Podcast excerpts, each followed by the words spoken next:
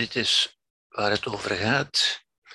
Het tweede praatje om iets van duidelijkheid en klaarheid te brengen in het boeiende fenomeen van trauma.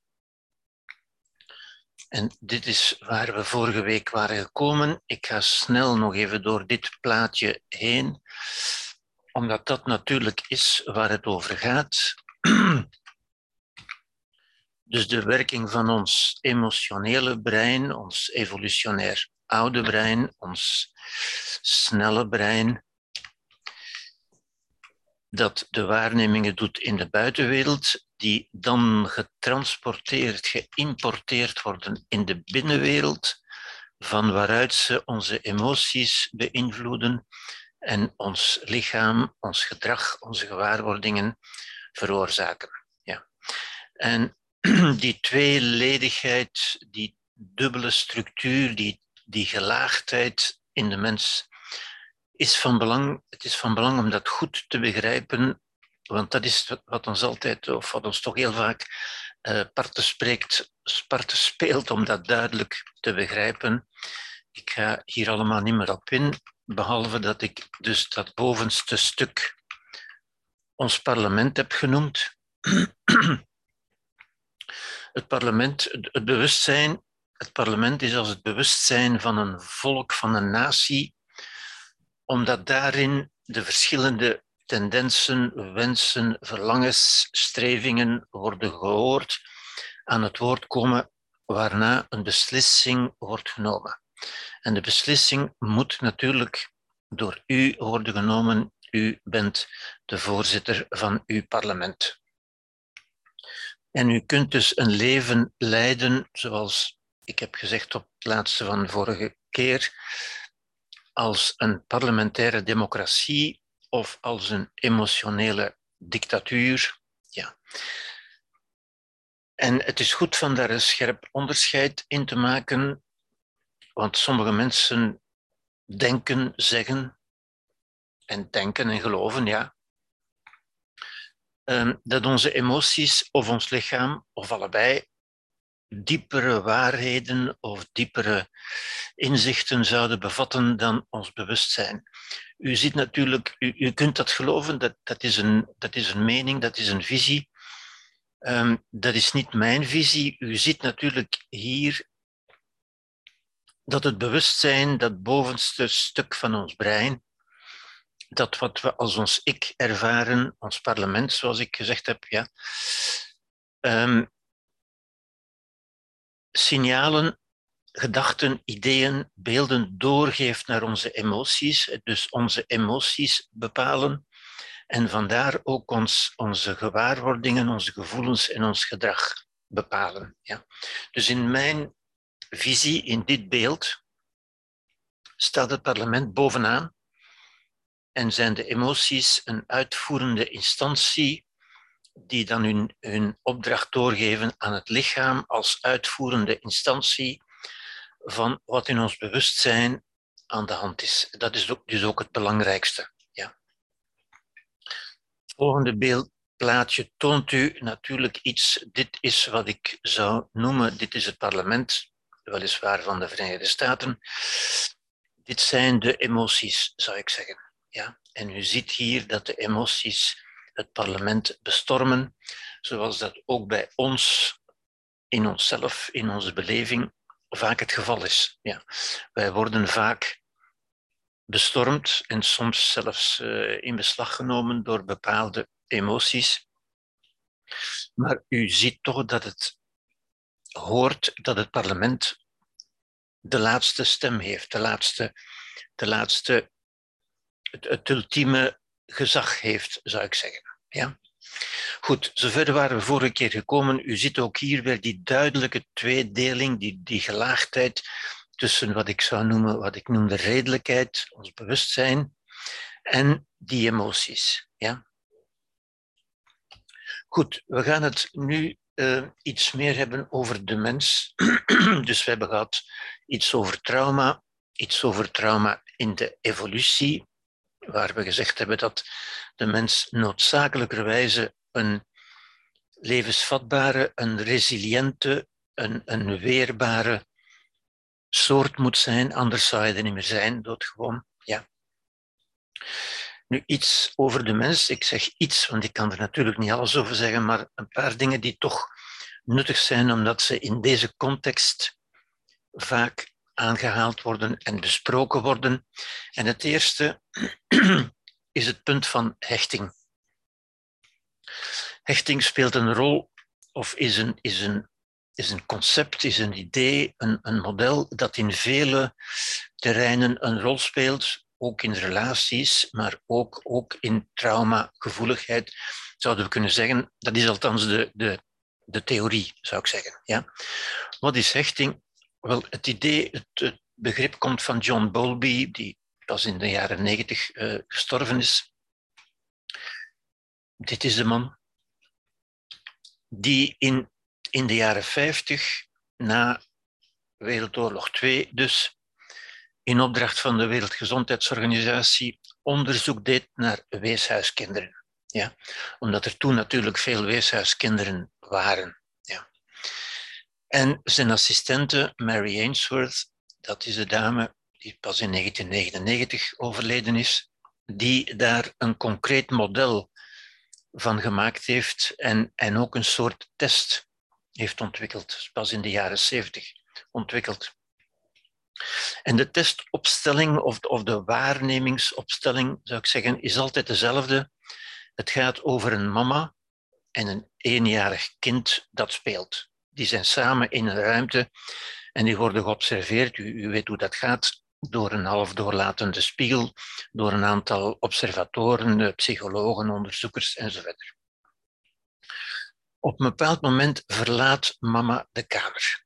En dan ziet men dat dat kind begint te roepen en te huilen.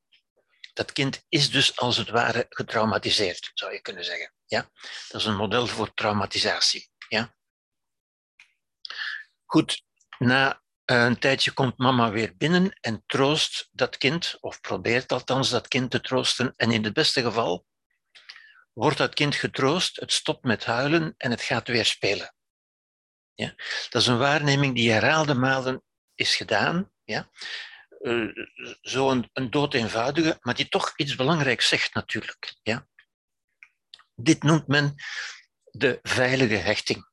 Dat we zeggen, dat kind ziet zijn mama of haar mama als een veilige basis van waaruit het de wereld kan verkennen. En ieder van u die kinderen heeft, kent dat natuurlijk. Kinderen maken, spelen in, in altijd grotere cirkels rond de moeder, als het ware. Maar komen telkens ook terug om te checken of ze er nog wel is. Ja? Of ze niet verlaten zijn, met andere woorden. Een, een heel belangrijk begrip natuurlijk. Ja? Dus die kinderen checken of mama er nog wel is, of het allemaal nog wel veilig is. En als dat goed is, dan gaat dat kind, groeit dat kind op en gaat steeds grotere kringen rond die moeder, rond het huis, rond het gezin maken en uiteindelijk veilig in de wereld kunnen gaan, natuurlijk. Ja. Een onveilige hechting, daar spreekt men natuurlijk meer over, omdat dat ja, voor meer problemen zorgt natuurlijk, ja, is ontstaat als een kind een gebrek aan respons, als de moeder niet terug binnenkomt. Dan kan een kind een gebrek aan respons niet begrijpen. Ja? U ziet in, in dit model hier, dat kind doet iets en krijgt daar ook een reactie op. Dus dat kind krijgt ook het idee dat het iets kan doen in de buitenwereld. Als het roept en huilt, dan komt er iets en dan wordt het ook getroost. Dus er komt een reactie van de buitenwereld. Als die reactie, die respons niet komt, ja, dan kan dat kind niet begrijpen waarom dat zo is. Ja?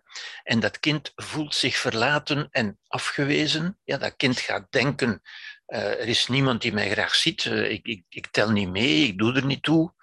En dat is dan wat men het gekwetste kind noemt. Ja? En u ziet dat ook dat beeld, het beeld van het gekwetste kind, komt eigenlijk uit deze denkwereld. Ja? Uh, het idee is ook dat als dat gebeurt, dat men dan als, als volwassene nog altijd een gekwetst kind met zich meedraagt, natuurlijk. Een gekwetst kind dat zich makkelijk verlaten en afgewezen. En u ziet die, die begrippen, mensen, er zijn nogal wat mensen die zich verlaten en afgewezen voelen. En dan zegt men, ja, dat is het gekwetste kind. Ja. Heel in het kort uh, zijn er dus een aantal hechtingsstijlen, men noemt dat ook hechtingsstijlen, manieren van omgaan met anderen en met de wereld, waarvan de eerste is die die ik net beschreven heb, de veilige hechting, ja? wat bij circa 50% van de, in, van de gevallen wordt gezien. Dus dat is als mama gezien wordt als een veilige basis om de wereld te verkennen. Ja? Daar is weinig zelfafwijzing en dat zal ik u dadelijk uitleggen. De zelfafwijzing is een negatief zelfbeeld dat onder meer gepaard gaat met, met zelfbeschuldiging, zich schuldig voelen. Ja? Want een kind dat niet krijgt wat het wil, dat niet van zijn mama krijgt wat het wil, gaat eigenlijk onontkoombaar denken dat het daar zelf de oorzaak van is. Dat het is omdat hij niet goed genoeg is. Ja? En die houding ontstaat natuurlijk in, in heel veel, en ook bij veel volwassenen zien we dat. Maar ook bij kinderen, en dat wordt uitgebreid naar andere vormen van moeilijke omstandigheden, van, van trauma, zeg maar. Ja? Bijvoorbeeld als de ouders ruzie maken of als er zelfs een scheiding van komt, is het bijna onvermijdelijk dat kinderen gaan denken dat dat gebeurt omdat ze zelf stout geweest zijn. Ja? Kinderen gaan dingen heel makkelijk persoonlijk nemen en zien zich in een soort magisch denken natuurlijk als de oorzaak, zien zichzelf als de oorzaak van veel wat er niet goed gaat, omdat ze niet kunnen begrijpen wat de andere oorzaken zouden kunnen zijn. Ja? En dat ontstaat dus vaak hier. Dus, dat is, dus in, de, in de veilige hechting is dat weinig het geval. Is er weinig negatief zelfbeeld, zou je kunnen zeggen. De onveilige hechting, en daar zijn twee vormen in, onveilig, angstig, ja. Daar is dat kind helemaal overstuur, is boos, wil niet opnieuw spelen, ja en kan zelfs zijn mama een klap of een schop geven en zeggen stoute mama. Dat blijft met andere woorden boos, ja? omdat dat aandacht en zorg wil en die niet voldoende gekregen heeft, niet voldoende respons gekregen heeft. Dat is in 20% van de gevallen zo. Ja? Dat, dat gaat gepaard met een belangrijk negatief zelfbeeld en schuld. Ja? En u ziet, hier wordt dat belangrijk dat kind krijgt niet wat het wil en denkt van zichzelf dat het zelf niet goed genoeg is. Ja, dat het daar zelf schuld aan heeft. De onveilig vermijdende hechting, ook in 20% van de gevallen ongeveer, dat is een kind dat niet reageert als mama de kamer verlaat of terugkomt.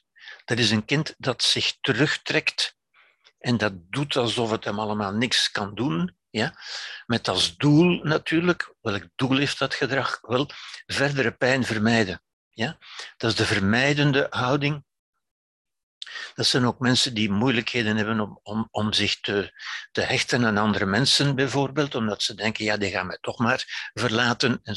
Ja. En u ziet, dat gedrag heeft een, heeft een doel natuurlijk. Ik kom daar straks ook op terug, maar het is hier al belangrijk. Ja. Dat kind doet dat omdat het iets wil krijgen. In dit geval wil dat kind aandacht en zorg. In dit geval wil dat verdere pijn vermijden. Ja? Ik wil niet meer zo lijden. Ja? Belangrijke zelfafwijzing ook, dat we zeggen negatief zelfbeeld, schuldgevoelens en zo verder. Ja? Een zeer negatief zelfbeeld. Ja?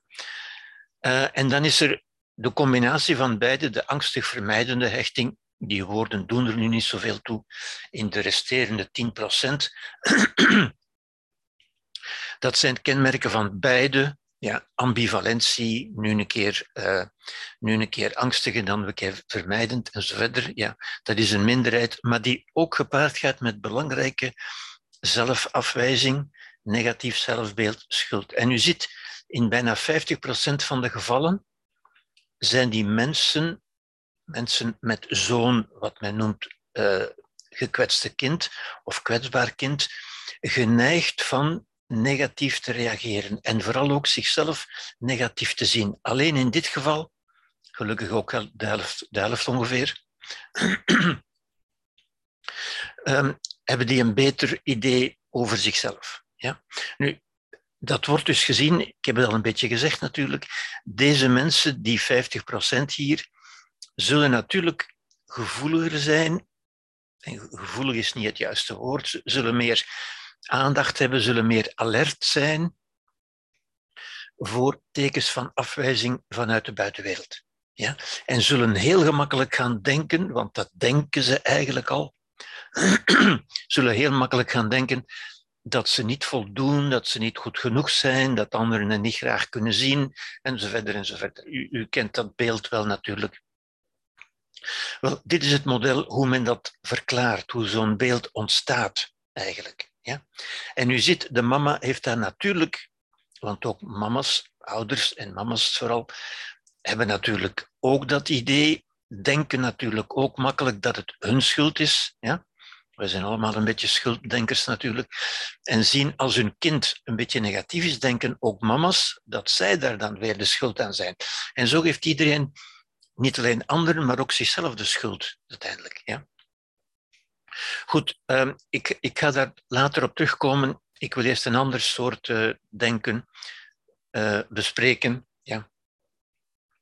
Dus dit is de hechting, de hechtingsstijlen, ja, waar ook een aantal boeken zijn over verschenen. Het bekende boek van Rika Ponet bijvoorbeeld, maar ook dat van Sue Johnson, die gaan over relaties. En men kan, men kan op deze manier proberen van probleem, uh, problemen in relaties te verklaren door dit soort, in zekere zin, relatie, onbekwaamheid of, of, of negativiteit naar relaties toe aan te halen. Ja? Goed. Een ander soort denken zegt iets helemaal anders. Het gaat ook over de opvoeding. Het gaat eigenlijk over de, de formatering, zou je kunnen zeggen, van dat jonge kind. De formatering van, die, van het zelfbeeld, het ontstaan van het zelfbeeld van, van de mens, van een kind dus. Ja. Dit is afkomstig van Jacques Lacan, die in 81 overleden is. Dit is de man. een zeer kleurrijk en controversieel figuur, overigens, in de, in de psychiatrie, de, die in de voetsporen van, van Freud is getreden. Ja. Maar dat doet er nu voor ons niet verder toe. Ook hij heeft daar aandacht aan besteed en hij heeft gezegd, hij heeft ingezien dat in de opvoeding er twee functies noodzakelijk zijn. Functies zijn rollen of taken. Um, taken opdrachten, zou je kunnen zeggen, die vervuld moeten worden. Twee belangrijke. Ja? En de eerste noemde hij de moederlijke functie. En er staat wel, en ik leg er echt wel de nadruk op, moederlijke functie. Dat wil niet zeggen dat alleen de moeder dit kan doen. Maar het is wel een functie, een, een opdracht, een taak die iets makkelijker aansluit bij de moeder als persoon, maar die in andere gevallen ook door de vader zou kunnen worden vervuld. Dus het gaat niet over de, de moederlijke persoon, maar de moederlijke functie. Ja? Wat is die moederlijke functie? Wel, dat heeft ook iets te maken met die, met die veilige hechting van daarnet eigenlijk. Ja? Dat is hechting, zorgen voor hechting veiligheid, vertrouwen, het welzijn van dat kind. Waarbij de nadruk vaak ligt op zachtheid, gevoeligheid, kwetsbaarheid ook. Ja? Dit zijn termen, dat is natuurlijk een beetje, beetje zwart-wit gesteld, maar die toch vooral aan de moederlijke kant zullen aanwezig zijn. Ja? De moeders leggen vooral daar de nadruk op. Hè? Het goed voelen, het vertrouwvol zijn, het zich veilig voelen enzovoort. Ja? Daarnaast is er de vaderlijke functie. Wat is dan de rol, wat is de taak van de vader eigenlijk? Ja? En die is veel problematischer. Ja? Wel, die is in de eerste plaats oplossen juist het een einde maken aan die emotionele verstrengeling met de moeder. Ja? Want zo'n klein kind is aanvankelijk sterk gericht en sterk gehecht en verstrengeld met die moeder en omgekeerd. Moeders zijn ook sterk, vaak sterk verstrengeld met hun kind, emotioneel gebonden aan hun kind. Dat is, dat is een mooie, zachte, warme band en zo verder. De vaderlijke functie, die dus eerder een ondankbare functie is, zou ik zeggen, ja, is een beetje die emotionele band een beetje doorbreken. Ja? En hij moet dat doen, dat is zijn rol, dat is zijn taak. Alhoewel vele vaders die taak niet kennen, of ze ook niet meer mogen of kunnen uitvoeren tegenwoordig. Ja? Ehm, door te zeggen van, door dat kind duidelijk te maken dat die moeder niet van dat kind is, maar dat die van hem is. Hij moet zich als het ware tussen plaatsen en dus verstoren, traumatiserend optreden. Maar dus tegelijk maakt hij daardoor mogelijk, wat ik vorige keer heb gezegd, de overgang van een kinderlijk naar een volwassen wereldbeeld. Dat kind moet leren, moet leren, ja, wij moeten het allemaal leren, want we zijn allemaal als kind begonnen natuurlijk, hè, dat de wereld er niet is om ons, om ons veiligheid, vertrouwen, welzijn te geven en zo verder. Ja? Dat we daar uiteindelijk zelf zullen moeten voor zorgen. Ja? En dat is het volwassen beeld.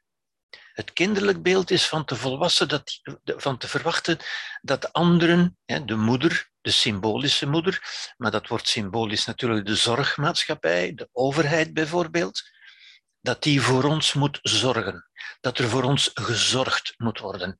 En het woord zorgmaatschappij zegt op zich al genoeg, eigenlijk natuurlijk. Ja? Dat we zeggen, we zijn in een soort moederlijke maatschappij terechtgekomen, ja?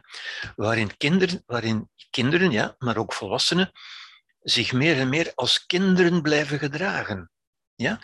En dat kan ook als de moeder altijd tussenkomt met, met hulp en bijstand en, en psychologische begeleiding en zo verder.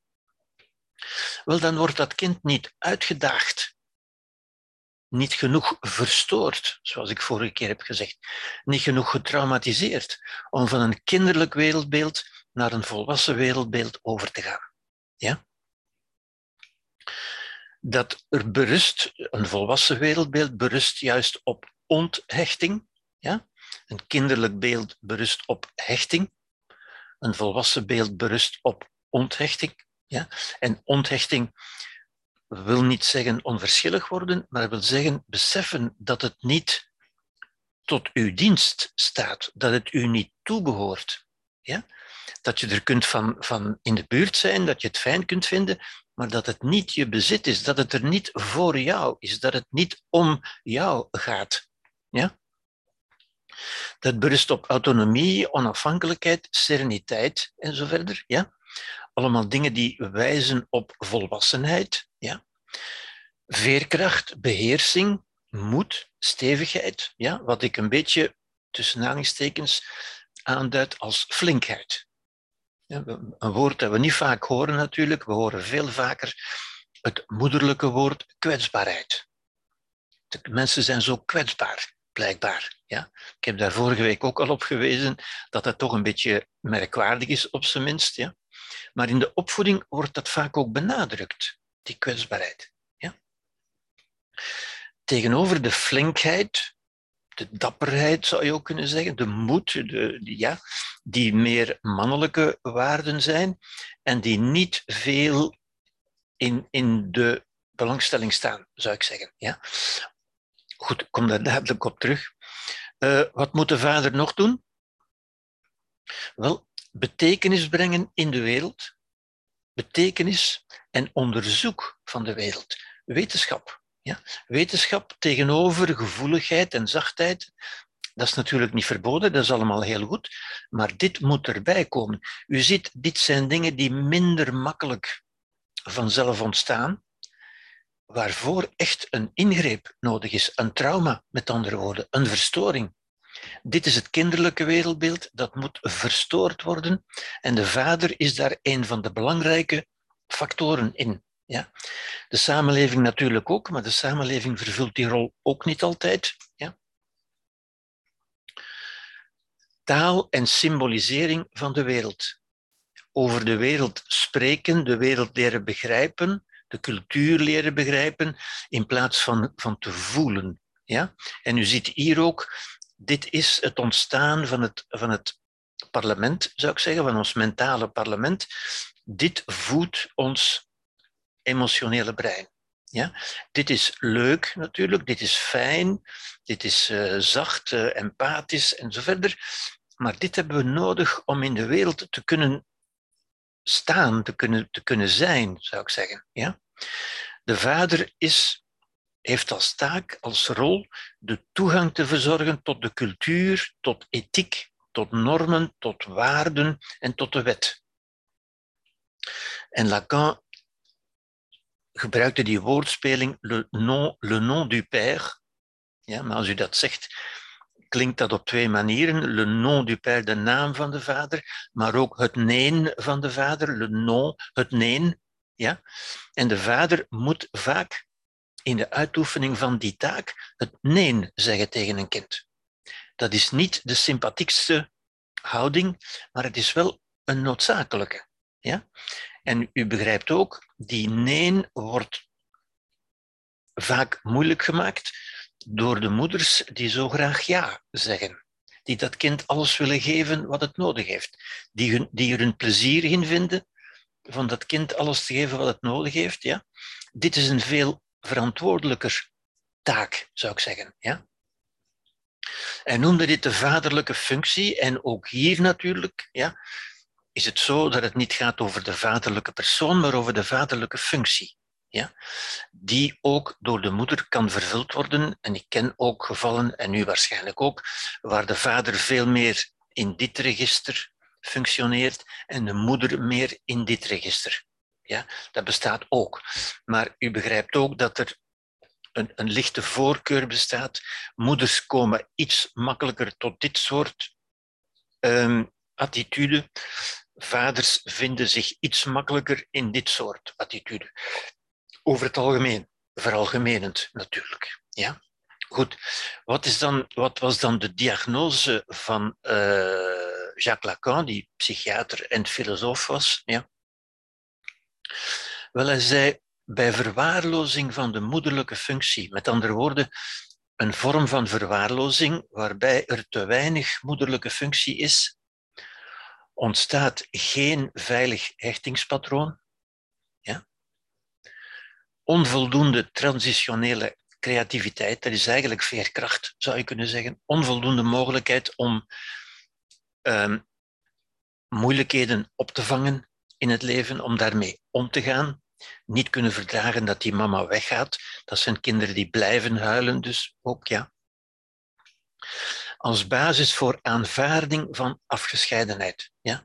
Het idee is dat moederlijke functie natuurlijk nodig is om een voldoende basis te leggen waar men de afgescheidenheid kan aanvaarden. Waar men kan aanvaarden. Wat is de afgescheidenheid? Wel, begrijpen dat de moeder er niet altijd voor u is. Dat er uiteindelijk geen moeder meer is. Ja, dat, dat de moederlijke functie ook ergens eindigt, natuurlijk. Ja. Bij een ander soort, uh, dat is verlatingsangst, veralgemene angst, cultiveren van kwetsbaarheid. Veel mensen met angst, ja, is in feite dit. Ja. De andere vorm van verwaarlozing is de verwaarlozing van de vaderlijke functie. Ja. Als die er te weinig is, wat krijgen we dan? Wel, dat zijn mensen die nog een kinderlijk wereldbeeld hebben, dat we zeggen, die niet om kunnen met de moeilijkheden die er zijn in de wereld. Ja? Met nadruk op behoeften. Ja, ik heb dat toch nodig en, en de wereld moet toch voorzien in mijn behoeften. De wereld of de samenleving of mijn partner of, of, of wie dan ook. Ja? Nadruk op emoties ook. Ja? We leven natuurlijk in een emotiecultuur, zoals u weet. Ja? Onvoldoende contact met de realiteit, onvoldoende realiteitszin, onvoldoende zin voor cultuur, voor waarden ook. Ja? Met cultuur bedoel, ik nu niet de schone kunsten natuurlijk, maar wel de samenleving. Ja? Rekening houden met de samenleving in plaats van alleen maar met ik. Ja? Psychotische verstrengeling met de moeder. met een vraagteken. Sommige mensen zeggen dat, gaan zo ver. Um, ik aarzel daar een beetje mee, maar toch zit daar een grond van, van waarheid in, denk ik. Ja? Een emotionele verstrengeling met de moeder. Dus onvoldoende scheiding in feite van de moeder. Ja? Het verwachten dat er voor ons gezorgd wordt, dat anderen zullen komen, zullen bijspringen als we dat nodig hebben. Ja? Op een psychotische manier, dat we zeggen op een waanachtige manier die niet meer realistisch is, onvoldoende contact met de realiteit. Psychotische emotionele verstrengeling, ja?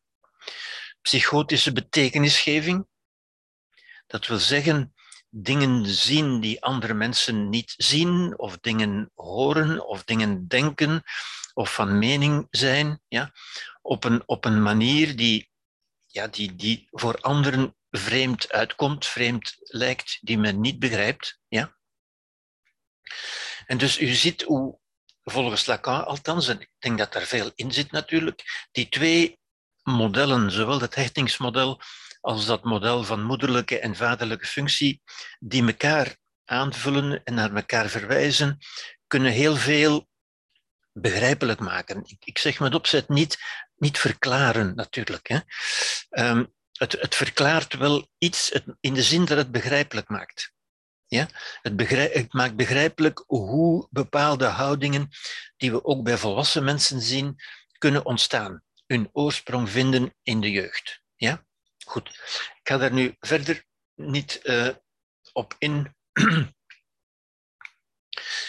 Om nog even stil te staan bij wat ik noem psychopathologische theorieën, ja, die een beetje de twee vorige globaliseren en, en, er een visie van maken, een theorie van maken. Ja. En de eerste theorie die de meesten zullen kennen, omdat die tot ons gemeenschappelijk uh, mentaal patrimonium is gaan behoren, zou ik zeggen, zijn de psychodynamische modellen. Het psychodynamisch model, dat werkt in een energieparadigma, met nadruk op energie. Het idee, een energieparadigma is ook het idee dat alles energie is. Ik zal daar dadelijk iets meer over zeggen. Ja? Want dat is waar en niet waar, natuurlijk. Ja? Maar goed, in een energieparadigma, in een psychodynamisch model, wordt aangenomen dat verstoringen, wat men dus trauma's noemt, ja? trauma's zijn verstoringen, en die kunnen zijn volgens sommigen prenataal, al voor de geboorte, bij de geboorte, seksueel, fysiek, affectief. Ja. De affectieve trauma's hebben we daarnet ook besproken. Een, een, moeder die niet voldoende aanwezig is of een vader die niet voldoende aanwezig is. Dat kunnen allemaal gezien worden als trauma's. Hè. De onveilige hechting bijvoorbeeld. Ja.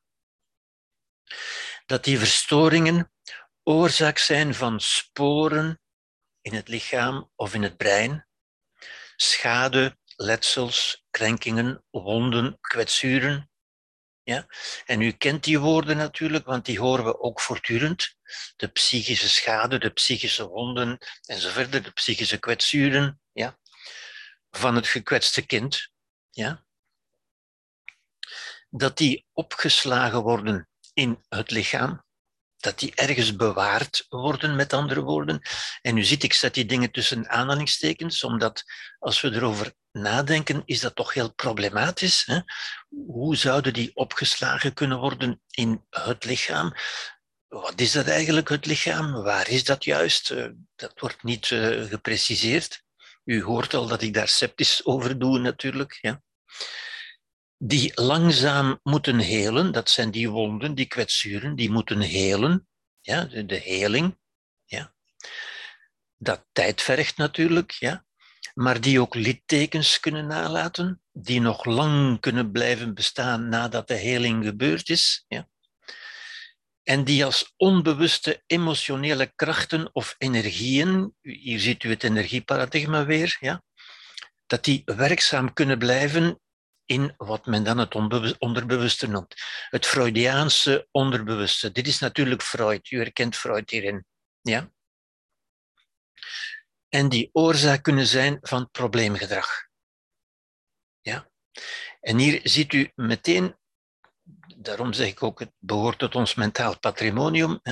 Vele mensen verklaren hun probleemgedrag of probleemgedrag van andere mensen ja, vanuit, ja maar kijk, ik kan niet anders, want dat zijn mijn krenkingen, mijn wonden, mijn kwetsuren, mijn gekwetste kind. Ja?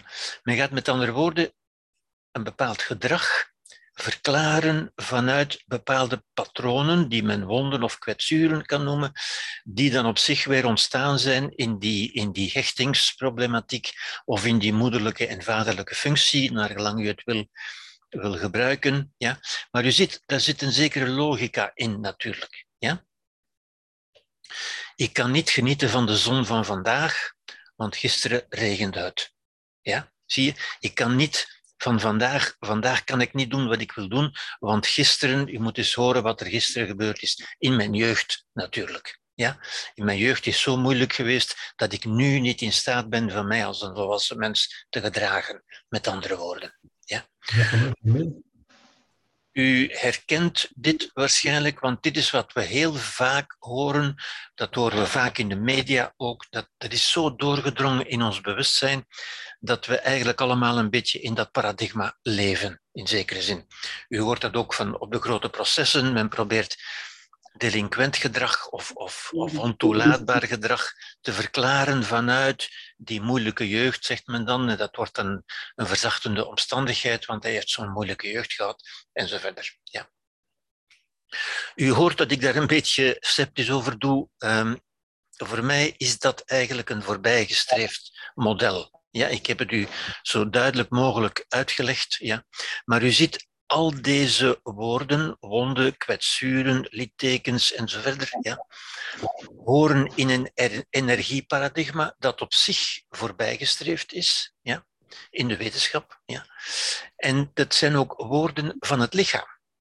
Het energieparadigma kunnen we nog aannemen voor het lichaam, maar niet voor de geest.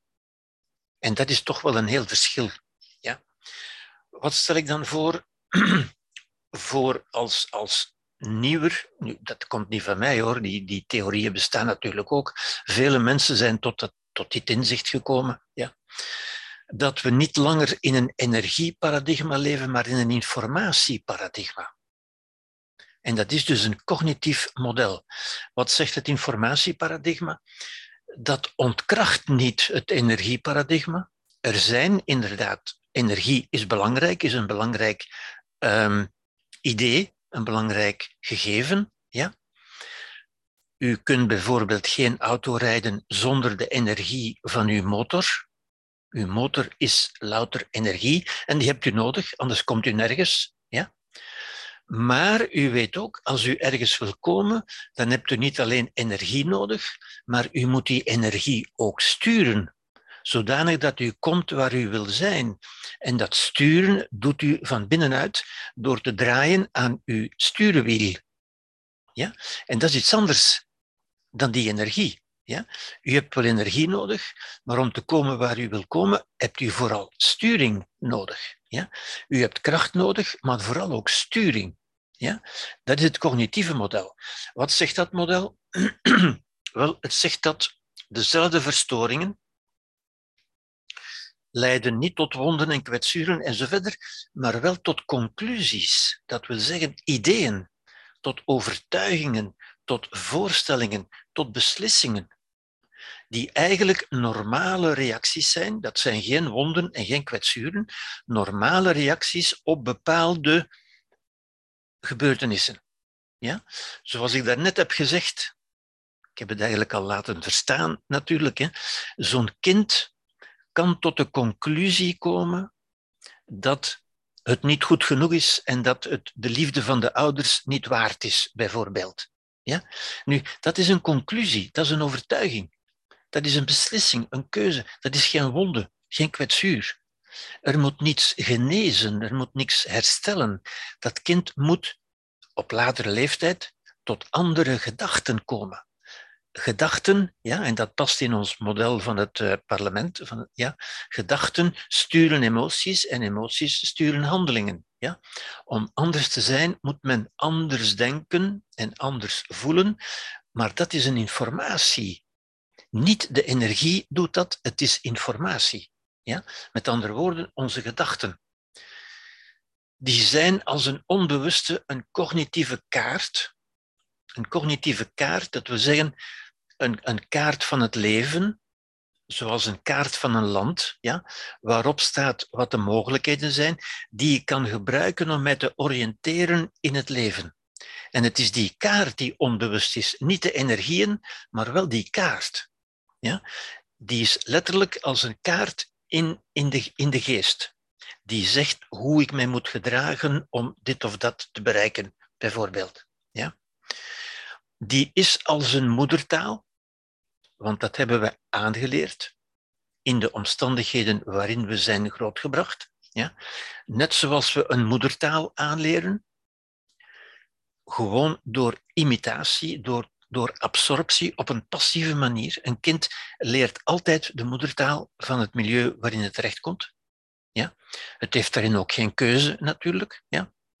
Een moedertaal, een soort levensstijl, die eigenlijk een levensstijl wordt. Het begrip komt van Adler, Alfred Adler. Ja? Maar die bewust gewijzigd kan worden. Bewust. Het bewustzijn komt hier tussen. Ja? U weet, u hebt geen keuze gehad in de moedertaal die u spreekt, maar u kunt wel bewust een andere taal gaan spreken. U kunt Frans leren en Engels of Spaans of Italiaans of Chinees als u wil. Ja? En u kunt dat bewust gaan spreken. Als volwassene hebt u de, die vrijheid en die keuze. Een kind had geen keuze. Ja? Een kind heeft geen keuze in zijn moedertaal, ook niet in zijn levensstijl. En dat wordt natuurlijk vertolkt, verklaard of, of in kaart gebracht, zou ik zeggen, door die hechtingstijlen en door die moederlijke en vaderlijke functie. En daarin heeft een kind niets te zeggen. Een kind ondergaat dat gewoon. Ja? Maar op volwassen leeftijd kan een kind daarvan bewust gaan worden van die cognitieve kaart, van zijn conclusies, overtuigingen, voorstellingen, beslissingen. En hij kan zeggen, is dat wel waar? Moet ik dat wel blijven geloven? Niet zijn er wonden die moeten genezen, maar wel zijn er overtuigingen die ik niet langer moet geloven.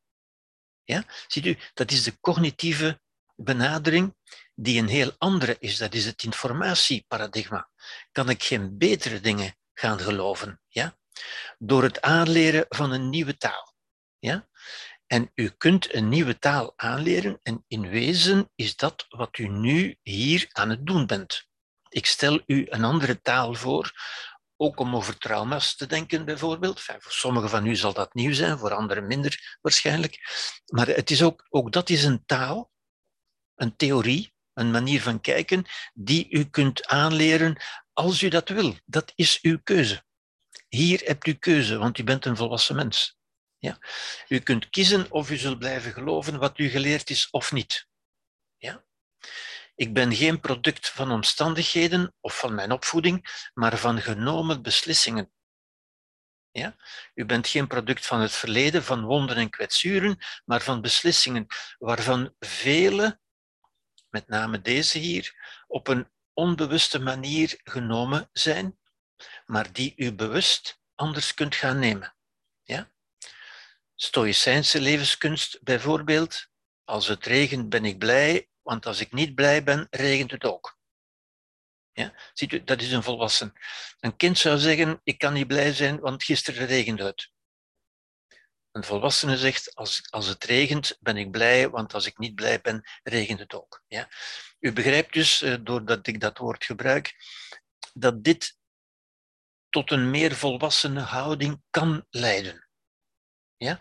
Uh, dit leidt tot meer bewustzijn, tot meer responsabilisering ook, tot meer bewustwording van de keuzes die in u en voor u als kind gemaakt zijn, maar die u als volwassene opnieuw kunt nemen, anders kunt maken enzovoort. Ja? Goed. Het psychodynamische en het energetische model dus is populair heb ik al gezegd, is populair omdat het, het, maakt deel uit van, van ons denken. Het zit in ons denken, in onze taal. In onze moedertaal zit het eigenlijk verweven. Ja? Want die woorden zoals wonden en kwetsuren komen zo in ons op, omdat ze tot onze moedertaal horen. Ja? En dat is de moeilijkheid natuurlijk. Als we een andere taal willen gaan spreken, dan moeten we de woorden uit onze moedertaal verwijderen en er andere in de plaats gaan zetten natuurlijk. Ja? Dat is wat we hier ook proberen te doen. Ja? Het is populair omdat daardoor het idee wordt bevestigd van een lichamelijk proces met nagelaten sporen, ziekte, behandeling, genezing, herstel. En als u dit gelooft, dan komt u bijna automatisch in de medische wereld terecht natuurlijk. Ja? Ziekte, behandeling, genezing, herstel, dat zijn medische woorden die van toepassing zijn op het lichaam, maar niet op de geest. Daardoor lijkt het echter als het lichamelijk, en dat is tegenwoordig natuurlijk met, met hersenscans, ja, als men daar iets kan zien, dan wordt het pas echt. En dan wordt het ook toegankelijk voor wetenschappelijk aangetoonde ingrepen en behandelingen. En zit het niet alleen maar tussen de oren, zoals mensen zeggen. Want tussen de oren, dat is niet zo echt. In het lichaam is echt. Ja? En u ziet, dat is de wetenschappelijke wereld die is echt. Terwijl ik eigenlijk in het model dat ik gegeven heb, aangetoond heb, dat wat tussen de oren zit voor ons echt is. Dat is de echte wereld waarin wij leven. Wij leven altijd tussen de oren, als u wil. En dat is onze echte wereld. Ja, en ziet u, dat is een beetje de andere taal die we moeten leren, die we kunnen leren spreken. Ja. Bovendien dit soort denken, ik heb het ook al gezegd, het medische denken, deresponsabiliseert. Dat wil zeggen, maakt mij niet verantwoordelijk. Ik kan er niks aan doen. Het is mij overkomen. En bevordert het slachtofferdenken. Ik ben daar slachtoffer van. Dat is mijn gekwetste kind en ik kan daar niks aan doen. Ja? Het slachtofferdenken, het deresponsabiliserende denken uiteindelijk.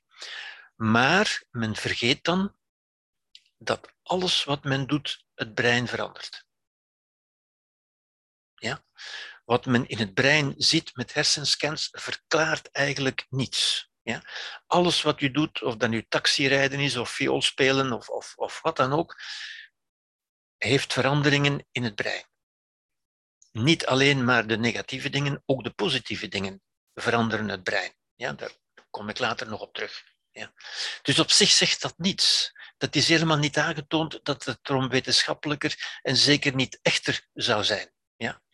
En u weet ook wat, wat tussen de oren zit, dat is niet zo vatbaar voor wetenschappelijke benadering. Dus dat is moeilijker natuurlijk. Hè? Dat is natuurlijk het terrein van de filosofie en van de psychotherapie. Ja?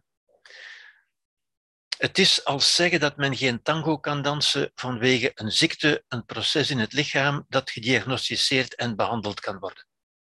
Ja? En tango dansen, of dansen in het algemeen, is het beeld wat ik gebruikt heb, ook toen ik u dat schema toonde, het grote schema. Ja. Ik heb gezegd, we zijn niet ons brein, we zijn wat we doen met ons brein. We zijn de existentiële dans die we produceren met ons brein. Ja? En u weet ook, als u geen tango kunt dansen, dan zou het natuurlijk kunnen dat u een ziekte aan uw spieren hebt, maar het is toch veel waarschijnlijker dat het gewoonweg is omdat u dat niet geleerd hebt. En dat is ook in dit geval zo. En dat leren is natuurlijk het informatieparadigma. U hebt niet voldoende informatie, u hebt niet het, het, adequate leerproces doorgemaakt, u hebt niet voldoende vaderlijke functie gehad, met andere woorden, ja? om te leren tango dansen, om te leren op een levenskunstige manier met het leven om te gaan, zou ik zeggen. Ja? En ik zeg ook vaak, aan, mensen die ik begeleid, om een of andere reden, zeg ik heel vaak van kijk wat ik u nu gezegd heb, de, de, de, het therapeutische praatje dat ik met u gehouden heb, had eigenlijk uw ouders of uw vader of uw moeder eventueel met u moeten hebben. Ja? Therapie is meestal, in de meeste gevallen, alleen maar mensen bijbrengen wat ze op vroegere leeftijd niet bijgebracht hebben gekregen. Ja? En dat is vaak het meest schadelijke van, van trauma, eventueel. Trauma is niet alleen wat er gebeurd is, ja? zeker als dat een chronische verwaarlozing betreft bijvoorbeeld, dan is het niet zozeer wat er gebeurd is, dat is op zich natuurlijk al erg genoeg, Maar het ergste, zoals ik vaak tegen mensen ook zeg, is niet wat er gebeurd is, maar wat er niet gebeurd is. Namelijk dat men die tijd niet gebruikt heeft om nuttige dingen aan te leren. Dat er eigenlijk een, een leegte is achtergebleven, een, een, ja, een, een gapende opening, zou ik bijna zeggen. Een gebrek aan kunde, een gebrek aan levensvaardigheid, omdat men zijn tijd heeft moeten doorbrengen met, met, met andere dingen, met moeilijke dingen, maar met dingen waar men niet veel uit geleerd heeft, of niet de juiste dingen in ieder geval. Goed. Oké. Ik neem aan dat, uh, dat u dat. Ik kan uw reacties niet zien natuurlijk, maar ik neem aan dat u dat begrepen hebt. Goed. Conclusie de conclusie uit dit stukje, zou ik zeggen, ja, is dat menselijk gedrag niet verklaard kan worden door feiten, gebeurtenissen of patronen uit het verleden. Een patroon is uw opvoeding bijvoorbeeld. Hechtingspatronen, vaderlijke, moederlijke patronen enzovoort. Ja. Menselijk gedrag heeft immers geen oorzaken, maar heeft een doel. Ja, daar zal ik ook nog moeten op terugkomen, natuurlijk. Ja. Het menselijk gedrag nu, u doet dat omdat u iets wil bereiken. Ja. De feiten zelf gaan voorbij. Ook die feiten of die patronen uit het verleden zijn voorbij. Hebben dus geen macht meer over u. Wat nog wel macht heeft, is de voorstelling, uw voorstellingen, uw ideeën, uw beelden, uw verhaal of uw conclusies die u getrokken hebt die zijn nog aanwezig en die bepalen mee uw gedrag. Niet het verleden, maar het heden. Wat nu in u aanwezig is, bepaalt uw gedrag. Niet het verleden, het bestaat niet meer. Ja. En dat verhaal wordt mee bepaald, mee geschreven in uw leven door uw omgeving de culturele beïnvloeding, door wat uw omgeving normaal of niet normaal en goed of niet goed vindt enzovoort.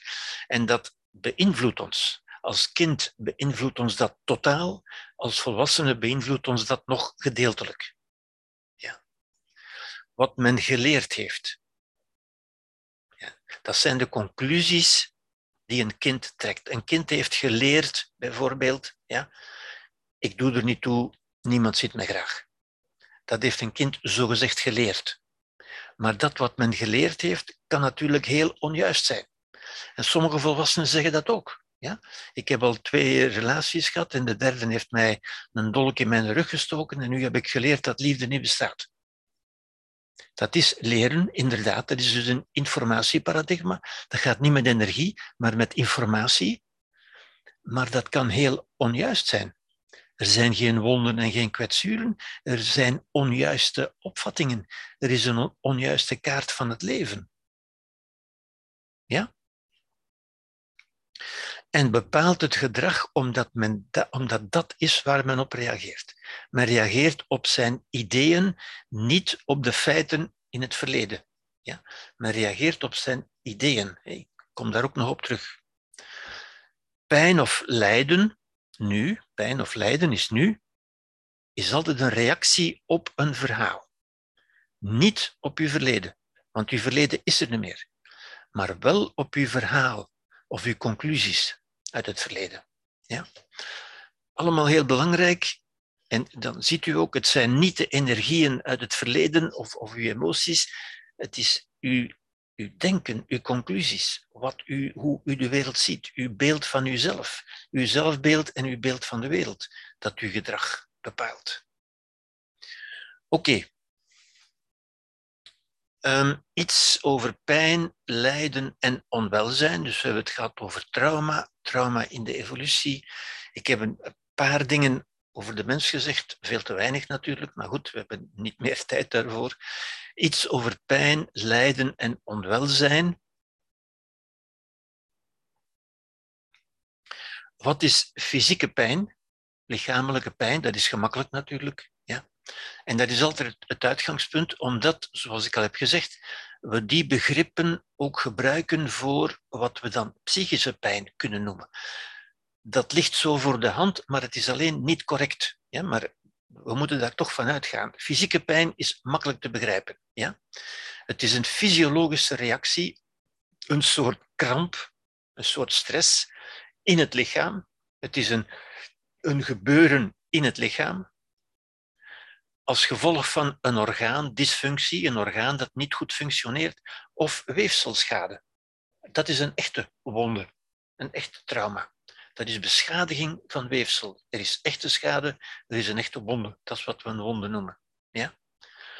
Objectief aantoonbaar. Objectief wil zeggen voor iedereen.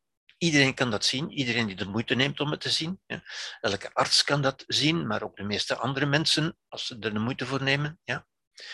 Wat is psychische pijn? En dat is helemaal iets anders. En u ziet, ik schrijf, ik schrijf pijn ook tussen aanhalingstekens hier. Wat ik, waarmee ik bedoel, een, een soort pijn. Dat is eigenlijk wat men lijden noemt. Het lijden is de psychische pijn. Ja? En men verklaart dat vaak, zoals ik al heb gezegd in het, in het psychodynamisch model, door te zeggen, ja, maar dat is pijn, dat is zoals fysieke pijn. Nee, dat is niet zoals fysieke pijn. Dat is namelijk helemaal anders. Ja, en dat wil ik u uitleggen natuurlijk. Hè. Dat is lijden, dat is ook wat men verdriet kan noemen, wat men rouw kan noemen, wat men verwerking van, van trauma's kan noemen enzovoort. Dat is allemaal psychische pijn, beter gezegd psychisch lijden. Lijden dus. Met lijden bedoelen we eigenlijk altijd, en zeker ik in deze lezingen, met lijden bedoel ik het psychisch lijden. Ja? Tegenover de pijn waarmee ik altijd bedoel de pijn van het lichaam. Psychische pijn is een proces, een reactie in de psyche. Dat is wat we aanduiden met de mind, en dat is ook al een moeilijk woord. Ja? Met de geest, met de ziel, met het bewustzijn. Allemaal moeilijke woorden die heel iets anders zijn dan het lichaam. Bij gevolg hier zijn ook geen wonden of kwetsuren zoals in het lichaam. Er is ook geen pijn zoals in het lichaam. Ja? Het is van een heel andere orde. Dat is helemaal iets anders. Ja? Je, kunt dat niet, je kunt niet de begrippen van het lichaam gebruiken voor de psyche. Ja? De geest is iets, is iets helemaal anders. En dat zal u hopelijk heel duidelijk worden in, in deze lezing. Ja? Dus het is een reactie, een proces in de psyche, in de geest, in de mind. Ja? En u ziet alleen al die woorden, zijn woorden waar de wetenschap geen vat op heeft. Dit, we, we verlaten hier de wetenschap. We hebben geen wetenschap van het bewustzijn. Ja, we hebben wel wetenschap van het lichaam natuurlijk, maar geen wetenschap van de geest, van de mind. Alhoewel men alles tegenwoordig wetenschappelijk wil noemen, moeten we zeggen, die wetenschap is er niet. Ja? Het is een mentale kramp. Ja. Hier heb ik gezegd, het is een fysiologische kramp, een echte kramp. Dit is als, het is als een kramp, maar dan mentaal. Dat we zeggen, wat is een kramp? Wel, een kramp is een spanning, een stress. Ja. Stress is ook geen wetenschappelijk gegeven natuurlijk. Ja. Een kramp ook niet.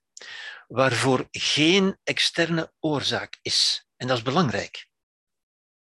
Niets uit de buitenwereld kan u psychische pijn bezorgen. Ja? Dat is belangrijk. Ik ga dat nog een paar keer herhalen, maar er is natuurlijk lijden. Ja? Daarmee ontken ik niet het lijden. Er is lijden, maar ze komt niet uit de buitenwereld. Fysieke pijn komt vaak uit de buitenwereld. Eh, psychische pijn niet. Ja? Wat niet in het bewustzijn is, kan geen oorzaak van lijden zijn. Ja? Met andere woorden, wat niet in het bewustzijn is, dat wil zeggen, wat u niet weet, kan geen oorzaak van lijden zijn. Ja? Als uw kind, uh, ik zeg nu maar iets, iets extreem, als uw kind op kamp is en op dat kamp overlijdt en u weet het niet, dan lijdt u niet. U lijdt pas op het moment dat u het weet. Dat wil zeggen, op het moment dat het binnenkomt in uw bewustzijn. Dat u er weet van krijgt, met andere woorden. Ja? Wat duidelijk aangeeft ook daar is er geen wonden en geen kwetsuren. U bent niet gekwetst. Er is geen weefselschade of iets dergelijks. Maar u lijdt wel degelijk. Maar dat lijden is louter psychisch. Louter omdat u iets weet. Omdat u zich bewust bent geworden van iets. Ja? Ik, ik leg daar sterk de nadruk op en ik ga daar nog op terugkomen, want dat is natuurlijk essentieel hier. Ja? Wel is er een externe of interne aanleiding, een context. Ja? Uw kind is gestorven. Ja? Dat is concreet, dat is waar. Maar wat uw lijden veroorzaakt, is in uw bewustzijn. Wat er in uw bewustzijn gebeurt, niet in de buitenwereld. De buitenwereld is alleen de aanleiding waardoor u bent gaan lijden.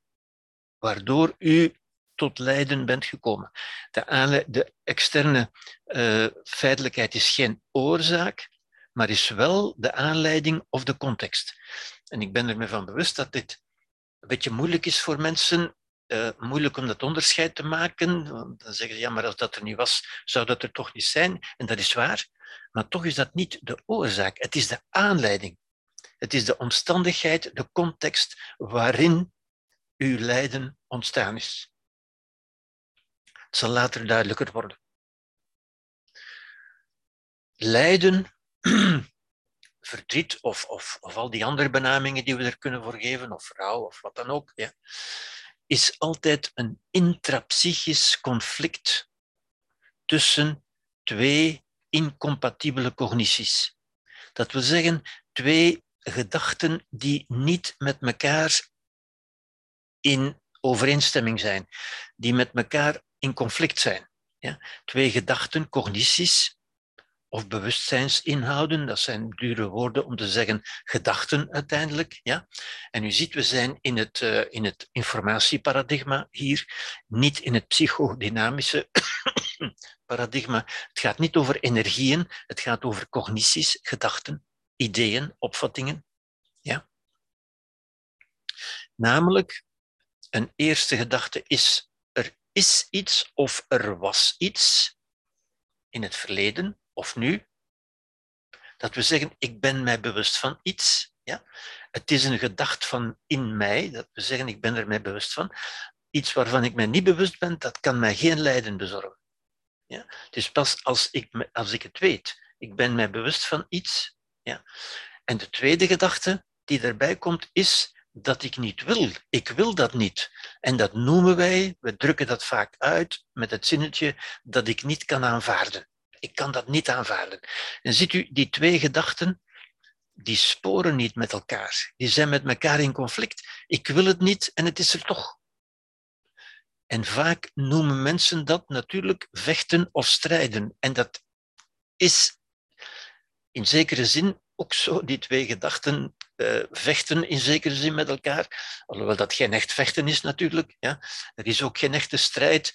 Er is alleen, er is alleen die incongruentie, die, die incompatibiliteit. Die twee kunnen niet samengaan. En dat wringt in onze geest. Er is iets dat ik niet wil. Ik wil het niet en toch is het er. Ja? En dat ik niet wil, dat zegt men vaak, dat gaat vaak over een kritiek, een, een belediging, een scheiding, een ziekte, een overlijden zelfs, een ontslag. Dat zijn allemaal dingen waar ik geen pijn van heb. Een belediging doet mij geen pijn. Een scheiding doet ook geen pijn. Althans, geen lichamelijke pijn.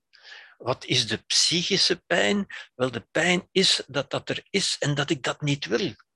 En dat psychische conflict, dat psychische wrijven, dat schuren tegen elkaar, dat ervaren wij als pijn. Dat is de spanning, de, de, de, ja, de kramp, de verkramping eigenlijk, ja, waardoor we dat ervaren als pijn.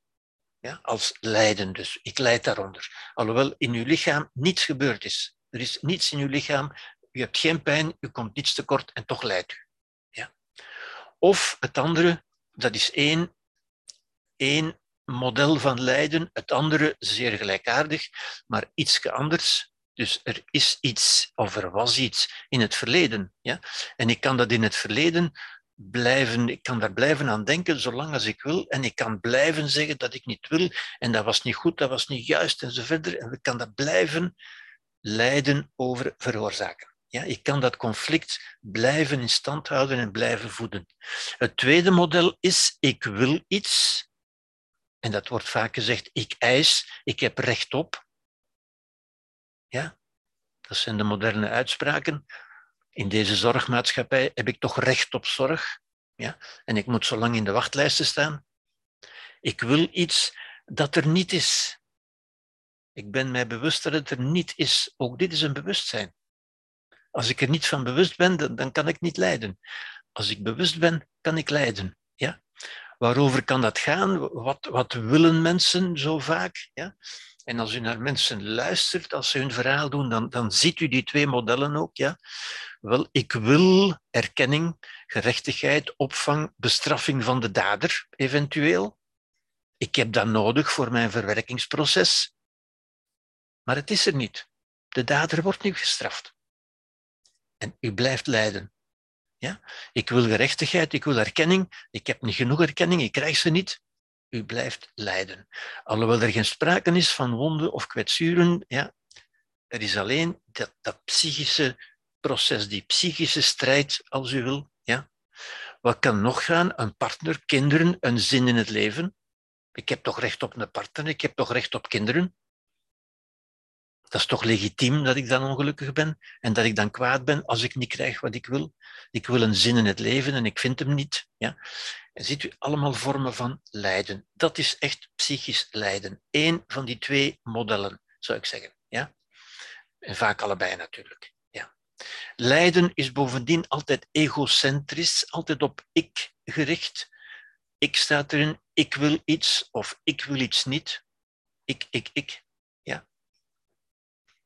Lijden is gemakkelijk. Het vergt weinig wijsheid. Het ontstaat heel gemakkelijk in ons en u ziet het al in een klein kind ontstaan. Ja? En het prototype van het lijden, ik kan niet nalaten van het toch altijd weer te herhalen, is in feite een kind dat aan de kassen van de supermarkt zijn snoepje niet krijgt en zich brullend en huilend op de grond werpt. Wel, dat is lijden. Dat kind lijdt echt. Ja? Net zoals volwassenen echt lijden. Ja? Waaraan leidt dat? Niet omdat dat pijn heeft, dat heeft niks tekort in zijn lichaam, dat heeft geen wonden, geen kwetsuren, maar het wil iets dat het niet krijgt. Het wil iets. Het ontstaat uit de wil. Psychisch lijden ontstaat uit de wil. Ja? Niet uit de buitenwereld, maar uit de wil. En dan snapt u ook, dat kind doet dat zonder nadenken. Dat kind snapt zijn eigen lijden niet. Dat is onbewust, maar dat zijn onbewuste patronen die in ons ingeprogrammeerd zijn. Ja? U moet dat kind dat niet aanleren, u moet dat niet voordoen. Dat kind doet dat zo, dat ontstaat gewoon. Daarom is lijden ook zo gemakkelijk. Het vergt weinig wijsheid en weinig volwassenheid. Het is gemakkelijk. Ja? Goed, Lijden is dus incompatibele bewustzijnsinhouden. Gedachten die met elkaar, gedachten die met elkaar in conflict zijn. Ja? Het is verzet, conflict, stress, onwelzijn in het bewustzijn. En het is dat conflict, die stress, die we als lijden ervaren. En dat we algemeen aanduiden met de term cognitieve dissonantie. Dat wil zeggen, een dissonantie, een wanklank tussen gedachten een cognitieve dissonantie. Ja? Een wanklank. Een wanklank die pijn doet. Die ook in de reële wereld, hè, in de muziek, is een dissonantie dat creëert spanning. En die spanning kan tot ondraaglijk worden, kan tot onwelzijn gaan, tot stress. Ja? Een muzikale dissonant, en dat wordt in de muziek ook gewoon gebruikt om spanning te creëren, en daarna volgt de ontspanning. Ja? Cognitieve dissonantie is een mentale verkramping. Muzikale dissonantie is een spanning. Ja? Ook cognitieve is een spanning, een verkramping zelfs. Ja? Als, waarmee ik het vaak vergelijk, als u in uw auto tegelijk uw gas en uw rempedaal intrapt, dan doet u ook twee dingen die incompatibel zijn, die niet met elkaar te verenigen zijn. En dan ontstaat in uw auto, in dat vehikel, ontstaat een spanning. Ja? En als u dat blijft doen, zal er iets knappen ergens. Ja. Dat geeft een alarmsignaal aan ons emotionele brein. Ons emotionele brein, waar ik u vorige keer over gesproken heb, dat instaat voor die automatische reacties van vechten, vluchten of verstijven. Ja? Die automatische emotionele reacties die ook weer spanning geven. Ook weer stress geven natuurlijk. Ja? Fight, flight or freeze. Angst, woede, onrust, spanning, stress, verkramping uiteindelijk. Mogelijk fobische vermijdingsreacties. En dat zijn vaak de posttraumatische ook. Ja? Dingen die men, die men op een fobische manier, waar men fobisch voor geworden is, van dat wil ik zeker niet meer, daar wil ik niet meer komen, die wil ik niet meer zien, daar wil ik niet meer aan denken. Fobische vermijdingsreacties. Ja? Zoals mensen die een verkeersongeval hebben gehad en die dan niet meer durven aan het verkeer deelnemen. Met de auto rijden, oh nee. Dat is een fobische reactie, die oh nee. Nee. Ja? En die dus hun, hun kinderlijke, hun, hun, hun voor, hun pretraumatische onschuld, want ze hebben plots begrepen dat het verkeer gevaarlijk is. Ja? Die mensen kunnen nooit meer terug naar geloven dat het verkeer niet gevaarlijk is. Die blijven daarop attent, zou ik zeggen. Ja? Dat zijn geen wonden of geen kwetsuren, maar dat zijn patronen die ze blijvend met zich meenemen. Ja? Kunnen die nog leren autorijden? Natuurlijk wel. Ja? Maar ze zullen nooit meer zo onschuldig zijn als daarvoor. Mensen zeggen vaak, eh, kijk, wat mij gebeurd is, ik wil terug zoals ik daarvoor was. Wel, dat is het enige wat niet kan. Niemand kan terug. Het leven gaat nooit achteruit. U kunt alleen maar vooruit. U kunt er alleen maar leren mee leven, zoals ik straks ga zeggen. Vermijdingsstrategieën dus, hè, ik heb die ook al aangegeven, dat kan leiden. Mensen kunnen dan vermijdingsstrategieën gaan gebruiken. Vermijding in de, in de zin van het gebruik van, van geneesmiddelen of genotsmiddelen, waardoor ze de stress, de onrust, de spanning minder voelen. Ze kunnen in depressie gaan, ze kunnen delinquentie, delinquent gedrag gaan vertonen. Ze kunnen zelfs tot suïcide overgaan. Dat zijn allemaal manieren om te vermijden ja? Om te vermijden van die innerlijke onrust, die spanning te voelen uiteindelijk. Ja? Maar er zijn geen wonden of kwetsuren. Ik zet het nog maar eens, ik kan het niet genoeg zeggen. Ja? Dat is wat ik nu tegenwoordig wat men de psychobabble noemt. Ja? Het gepsychologiseren van de straat of van de toog. Ja? Het, het, het, mensen die denken dat ze de, de, de psychologische constructie begrepen hebben uiteindelijk. Je bent niet kwetsbaar er is niets gekwetst. Want je bent gewoon, de mind, de geest is niet kwetsbaar. Je bent alleen iets gaan geloven waardoor er een spanning, een stress, een lijden in je brein is ontstaan. Ja? Het prototype van het lijden, ik heb het al gezegd, dat begrijpt u nu ook. Die kleuter die zich krijsend op de grond werpt omdat hij zijn snoepje niet krijgt, ja? die is niet gekwetst, die, die komt niks tekort, ja? maar die is gedwarsboomd in dat wat hij wil. Die krijgt niet wat hij wil. Het is die wil die het doet. De waarneming is ook, niemand lijdt permanent. Ook mensen die zeggen dat ze permanent nog lijden onder het verleden, bijvoorbeeld, wat zoveel mensen zeggen, waarvan u nu begrijpt, hoop ik dat het niet echt kan. Ja? Maar die mensen kunnen toch wel een fijne tijd hebben. Ze kunnen op vakantie gaan. Ja? En dan kunnen ze even hun verleden vergeten. En dan ziet u, wat is vergeten? Dat we zeggen dat het even verdwijnt uit het bewustzijn. En dan lijden ze ook niet, tuurlijk niet, ja? want er zijn geen wonden en kwetsuren. Ja?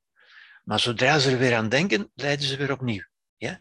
Er is alleen lijden als er bewustzijn is. En dat bewustzijn is er vaak, ontstaat vaak, als die gedachten opduiken. Mensen zeggen dat ook. Ja? Die, die gedachten achtervolgen mij zeggen ze. Ik raak die niet kwijt. Nee, u raakt die niet kwijt. U kunt die niet kwijt, want ze zitten in uw brein.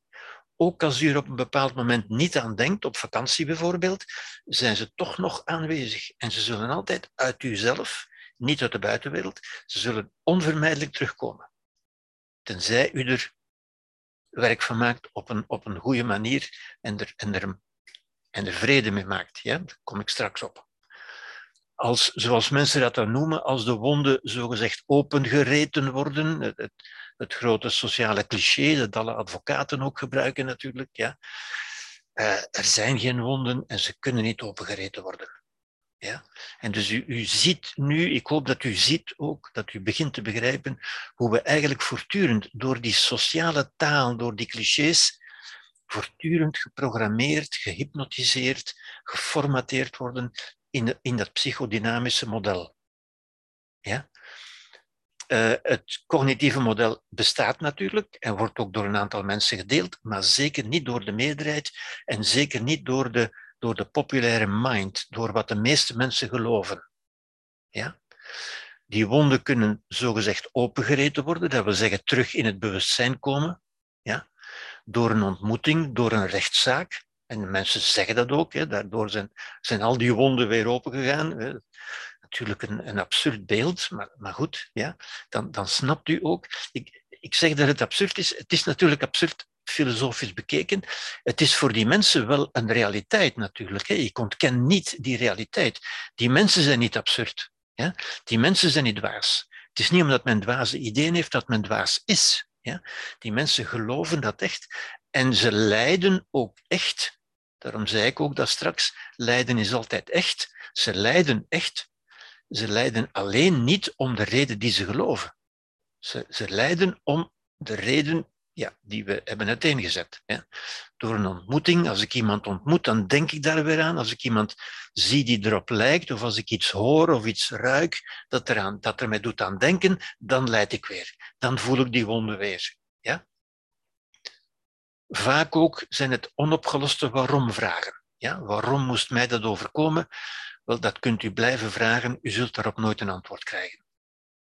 Ja? En ook dat is, is een beetje volwassen begrijpen dat men op die waarom-vragen nooit antwoord krijgt. Het leven zal u geen antwoorden geven. En de wijsheid van de volwassenen is ook begrijpen dat men vele dingen niet kan begrijpen en er toch in vrede mee kan leven. Ja? Maar goed, daar kom ik later op natuurlijk. Het is nu 20 uur 48. Ik stel voor um, dat we eventjes uh, pauzeren hier. Ik stel voor dat we om 55 opnieuw uh, beginnen. En dat dus iedereen eventjes de kans heeft gekomen waren. En ik geef u één voorbeeld om dit een beetje te illustreren en uw denken een beetje verder te verstoren, eventueel. Namelijk met de vraag: waarom is een bevalling geen lijden en geen trauma? Ja? Want dat voldoet toch aan de definitie van een trauma. Ja? Het is toch iets ingrijpends dat gebeurt. Ja? En de lichamelijke pijn is nogthans zeer reëel. Daar is dus wel veel lichamelijke pijn. Ja? Wel, het is geen trauma vanwege de betekenis die men eraan geeft. Namelijk, men kijkt er naar uit. En de context, de context is, men wordt voorbereid, men wordt begeleid de omstaanders zijn ontspannen, men wordt gefeliciteerd, er komt een nieuw leven. Die hele context, ja. En ook die feiten gaan voorbij, maar die betekenis, deze betekenis hier, die blijft. De betekenis, het narratief, noemt men dat in, in een beetje meer filosofische termen, de bewustzijnsinhoud, hoe u erover denkt, met name, die blijft. En men denkt erover als over een gelukkige ervaring. Ja. Is het een gelukkige ervaring? Wel, het is een gelukkige ervaring omdat men het een gelukkige ervaring noemt. Ja? Dat is de betekenis die men eraan geeft. Ja? En dan zien we ook dat het narratieve zelf, het ik, uw, uw parlement met andere woorden, uw bewustzijn, bevat geen getrouwe weergave van de objectieve feiten, maar wel een reconstructie, een verhaal, een narratief met een subjectieve betekenis. In uw geheugen, in uw narratieve zelf, uw geheugen, uw ik, wordt opgeslagen een gelukkige ervaring. Ja? Vaak komt daarbij, het was een pijnlijke ervaring, dat, wordt niet, dat verdwijnt niet, dat is niet onbestaand, dat is reëel. Maar toch is het een gelukkige ervaring. En weinig mensen, weinig vrouwen noemen het een lijden of zijn erdoor getraumatiseerd. Ik ken er persoonlijk heel weinig. Ja? Met andere woorden, wij ervaren niet de feiten, maar het narratieve zelf. Ook als men er telkens men eraan terugdenkt, denkt men er op dezelfde manier aan terug. Het was een gelukkige ervaring. Het was pijnlijk, maar het was toch een gelukkige ervaring. Vele vrouwen noemen het de, de meest ingrijpende en de beste ervaring van hun leven. Ja? Met andere woorden, het narratieve zelf, en ik heb dat ook al gezegd, het, het parlement dus, is een virtuele ruimte, een existentiële bubbel. Die, maar die is onze echte realiteit. En daar hebben we altijd moeite mee natuurlijk. Ja? Het is virtueel, het is existentieel, het is, en toch is dat onze realiteit. Wij leven niet met de feiten, maar met het narratieve zelf. Ja? De feiten zijn voorbij, alleen de betekenis blijft. En dan ziet u natuurlijk ook, hè, dit is een voorbeeld van hoe men van iets een gelukkige ervaring maakt. U begrijpt ook dat men van, van andere dingen ongelukkige ervaringen kan maken. Ja? Zoals ik hier zal zeggen, omgekeerd, er zijn gebeurtenissen die objectief niet pijnlijk zijn. Een bevalling was objectief pijnlijk. Dit is objectief niet pijnlijk. En waar men toch een lijden van maakt. Ja? Een belediging, een onaangename, men noemt dat een kwetsende opmerking. En u ziet al de woorden die men gebruikt. Alhoewel er niets gekwetst wordt, noemt men dat toch een kwetsende opmerking. Ja? Een ontslag, een scheiding, een overlijden. Verbaal, fysiek of seksueel ongewenst gedrag. Niet alle seksueel ongewenst gedrag gaat gepaard met pijn. En soms door, door sommigen, en ik heb dat al zeker al meegemaakt uh, van mensen die ik heb begeleid, vonden dat bepaald niet zo onaangenaam. Maar het was wel iets wat niet kon, wat niet mocht, natuurlijk. En dat is weer, daardoor ontstaat het lijden. Niet omdat er pijn was, zoals bij een belediging, dat doet geen pijn. Ja? Een onaangename opmerking doet geen pijn. En toch vinden we dat erg. Dat erg vinden, dat is het lijden eigenlijk. Bepaalde herinneringen, waarvan men dan zegt wonden die opengereten worden, ja, kunnen toch subjectief gepaard gaan met lijden. Want, onder meer, en u ziet het omgekeerde, de omgeving reageert verkrampt, gestresseerd, geschokt, getraumatiseerd. Als de omgeving hoort van dat seksueel ongewenst gedrag, en de reactie van die omgeving. En ik heb dat al concreet gehoord van mensen. Ja? Mensen die, die dat concreet meegemaakt hebben. Kinderen met name. Ja? Die door de getraumatiseerde reactie van de omgeving dat zelf ook traumatisch zijn gaan ervaren. In. Ja? Vandaar dat de, de reactie van de omgeving zo kolossaal belangrijk is. Ja? Voor de beleving van kinderen. Ja? Kinderen als die iets meemaken, begrijpen vaak niet wat er gebeurt. en kijken naar de omgeving om, om te vernemen hoe ze moeten reageren. Nu, als die verkrampt, gestresseerd, geschokt, getraumatiseerd reageert, gaan kinderen dat als betekenis opnemen. Ja? En zij gaan geloven dat zij gewond en gekwetst zijn en beschadigd zijn, enzovoort enzovoort. Ja? verhalen over wonden, kwetsuren, schade en trauma die we voortdurend horen. Ja? Men vraagt zich af of men schuld heeft, of het te voorkomen was, of men nog wel normaal is, enzovoort enzovoort. Ja? Het verhaal dat ik daar wel eens... Ja, die betekenis wordt vaak achteraf gegeven. En dan verwijs ik even naar Monica Lewinsky, het verhaal met, met van Monica Lewinsky en, Benjamin, en uh, Bill Clinton, omdat iedereen dat kent. Monica Lewinsky, die aan de feiten zelf waarschijnlijk geen trauma heeft overgehouden, maar wel achteraf er de betekenis heeft aangegeven van dit, dit heeft mijn leven kapot gemaakt, dit heeft mij getraumatiseerd enzovoort. Ja?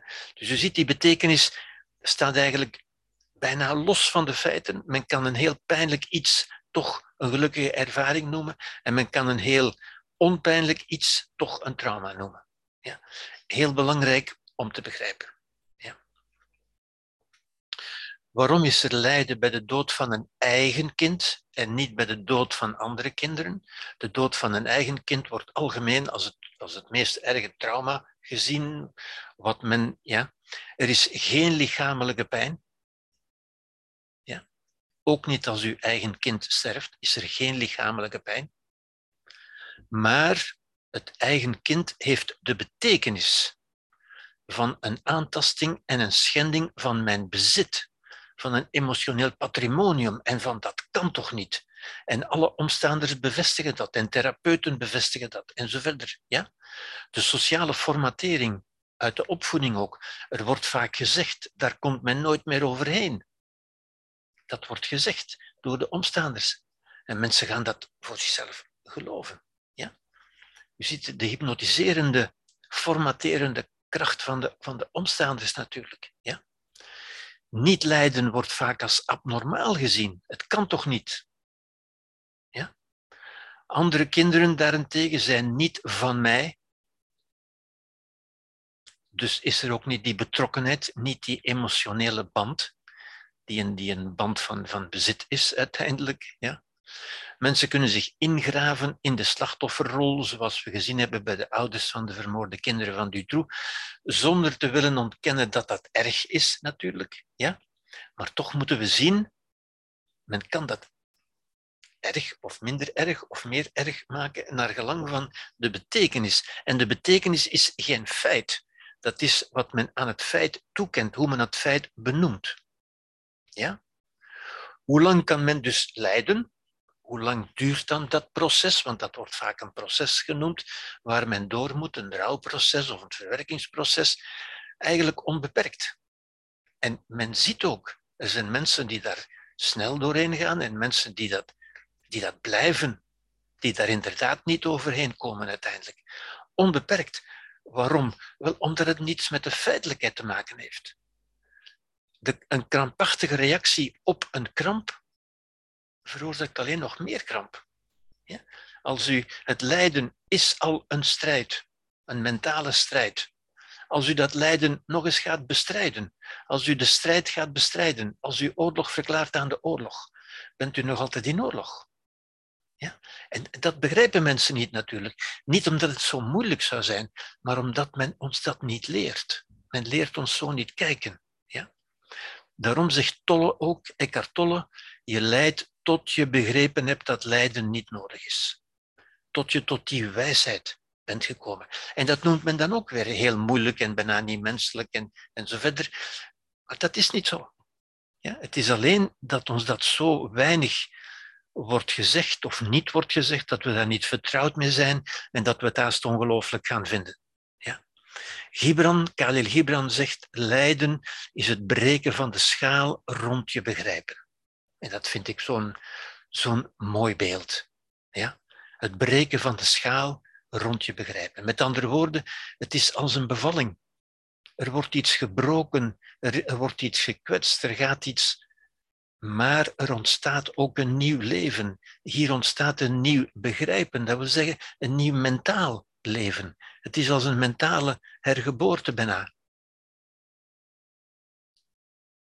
De Boeddha zei, alle lijden is een gevolg van onwetendheid. En als u mij gevolgd hebt zover, dan begrijpt u dat ook. Ja? En dan ziet u ook dat, het, dat die onwetendheid is niet omdat mensen dom zijn of lui of slecht, maar omdat ze niet onderwezen zijn, omdat ze die wetendheid niet meegekregen hebben. Ja? U moet daar niet het brein van Einstein voor hebben, maar je moet het alleen er vertrouwd mee geworden zijn. U moet het leren zien op die manier. Ja? Boris Cyrulnik, iemand waar ik nog op, nog op terugkom, die ook in zijn jeugd uh, de Tweede Wereldoorlog, de Holocaust en zo verder uh, vreselijke dingen heeft meegemaakt, als Joods kind, zij, die achteraf uh, hoogleraar in de psychiatrie is geworden, Ehm, en aan wie men regelmatig vraagt van hoe heb je dat dan gedaan om daar doorheen, daar overheen te komen. En hij zegt altijd wel, het is door het verlangen om te begrijpen dat zich omgezet heeft in het plezier van te begrijpen. Ja? En als u begrijpt, het begrijpen lost dat lijden op. Dan verdwijnt dat lijden. Ja? En dat is precies wat de Boeddha zegt. Alle lijden is een gevolg van onwetendheid. Die onwetendheid is het niet begrijpen. Ja? De schaal rond je begrijpen. Tolle zegt tot je begrepen hebt. Zie het gaat altijd over het begrijpen. En Boris Cyrulnik zegt precies hetzelfde. Ja? Het, het begrijpen. Door dat begrijpen lost dat eigenlijk op. In feite verdwijnt dat lijden. Als bij magie. Maar de magie is natuurlijk ons bewustzijn waarmee we dat kunnen begrijpen. Ja? Ons bewustzijn dat niet wetenschappelijk te begrijpen is. We hebben daar geen wetenschap over. Ja? We kunnen niet verklaren waarom sommigen wel en sommigen niet en zo verder. Ja? Dit hoort tot het domein van de existentie. Ja?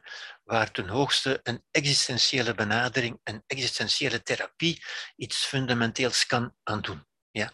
Maar mensen hebben natuurlijk de gewoonte, u weet dat ook, dat is onze samenleving, van zich te wenden tot de mensen van de wetenschap, de medische wereld, de psychiaters, die denken dat het iets te maken heeft met ons brein. Ja?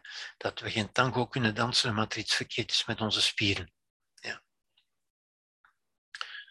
Oké.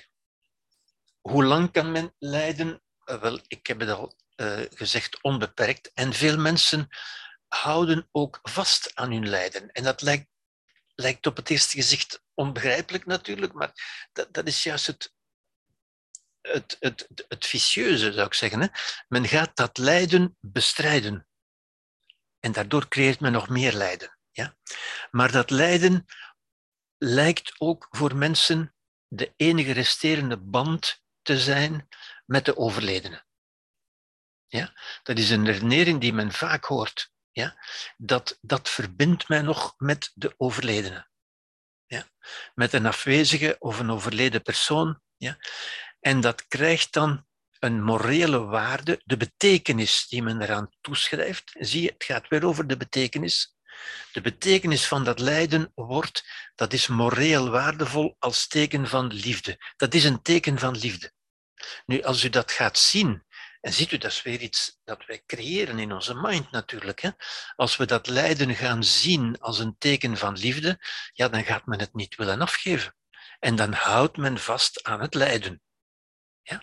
Wat in een toch niet onbelangrijk gedeelte van de gevallen zo is. Ja? Mensen denken dat niet meer lijden, dat zou betekenen het einde van de liefde. En dat wil ik niet. Ja? Het heeft dus een morele, het kan ook een morele waarde hebben. Dit is een morele waarde natuurlijk. Het kan ook een morele waarde hebben als protest tegen onrecht. Tegen het onrecht in de samenleving. Ja? Ik moet daaronder lijden, want anders zou dat betekenen dat ik er niet om geef. Ziet u, dat ik onverschillig zou zijn. En ik ben niet onverschillig, ik protesteer toch. Hoe protesteer ik? Wel door te lijden. En dat lijden geeft ons de indruk dat we toch iets doen. Ja? Tegen het onrecht dat mij is aangedaan, of dat anderen ook wordt aangedaan. Ja? Ik protesteer. Dat lijden krijgt de betekenis van protest. En dat is weer een morele betekenis waardoor het waardevol wordt. Ja? Maar, zoals ik dat straks heb gezegd, lijden gaat altijd over aandacht voor het ik. Lijden brengt de aandacht op onszelf. Ik lijd daaronder, ik kan niet verdragen, ik kan niet aanvaarden en zo verder. Ik mis, ik heb tekort en zo verder. Ja. Terwijl liefde gaat over de aandacht voor de ander. En ook als men dit begrijpt, ja, dan begrijpt u ook, u hoeft niet te lijden om in liefde te zijn. Ja?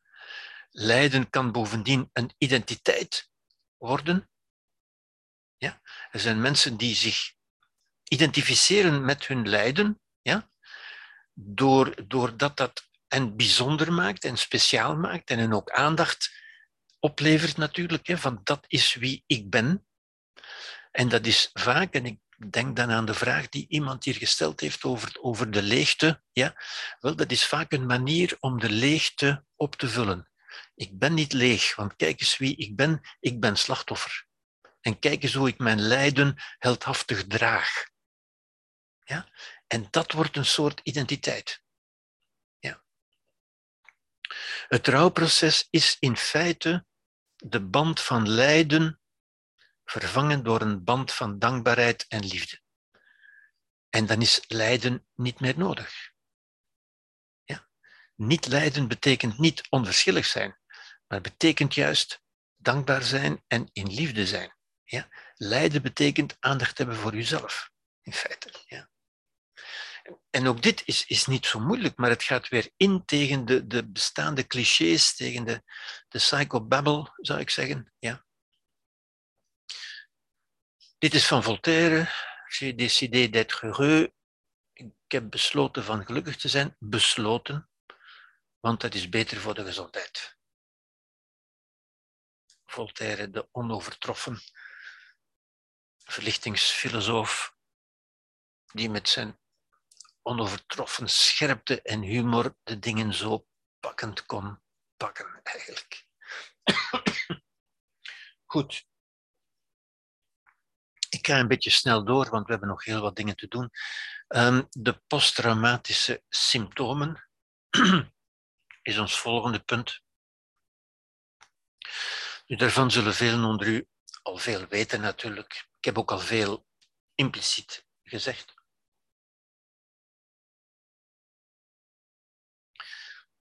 Een aantal onderzoekers neemt aan dat traumatische ervaringen een rol zouden spelen bij de meeste psychische problemen, van anorexia tot zelfdoding.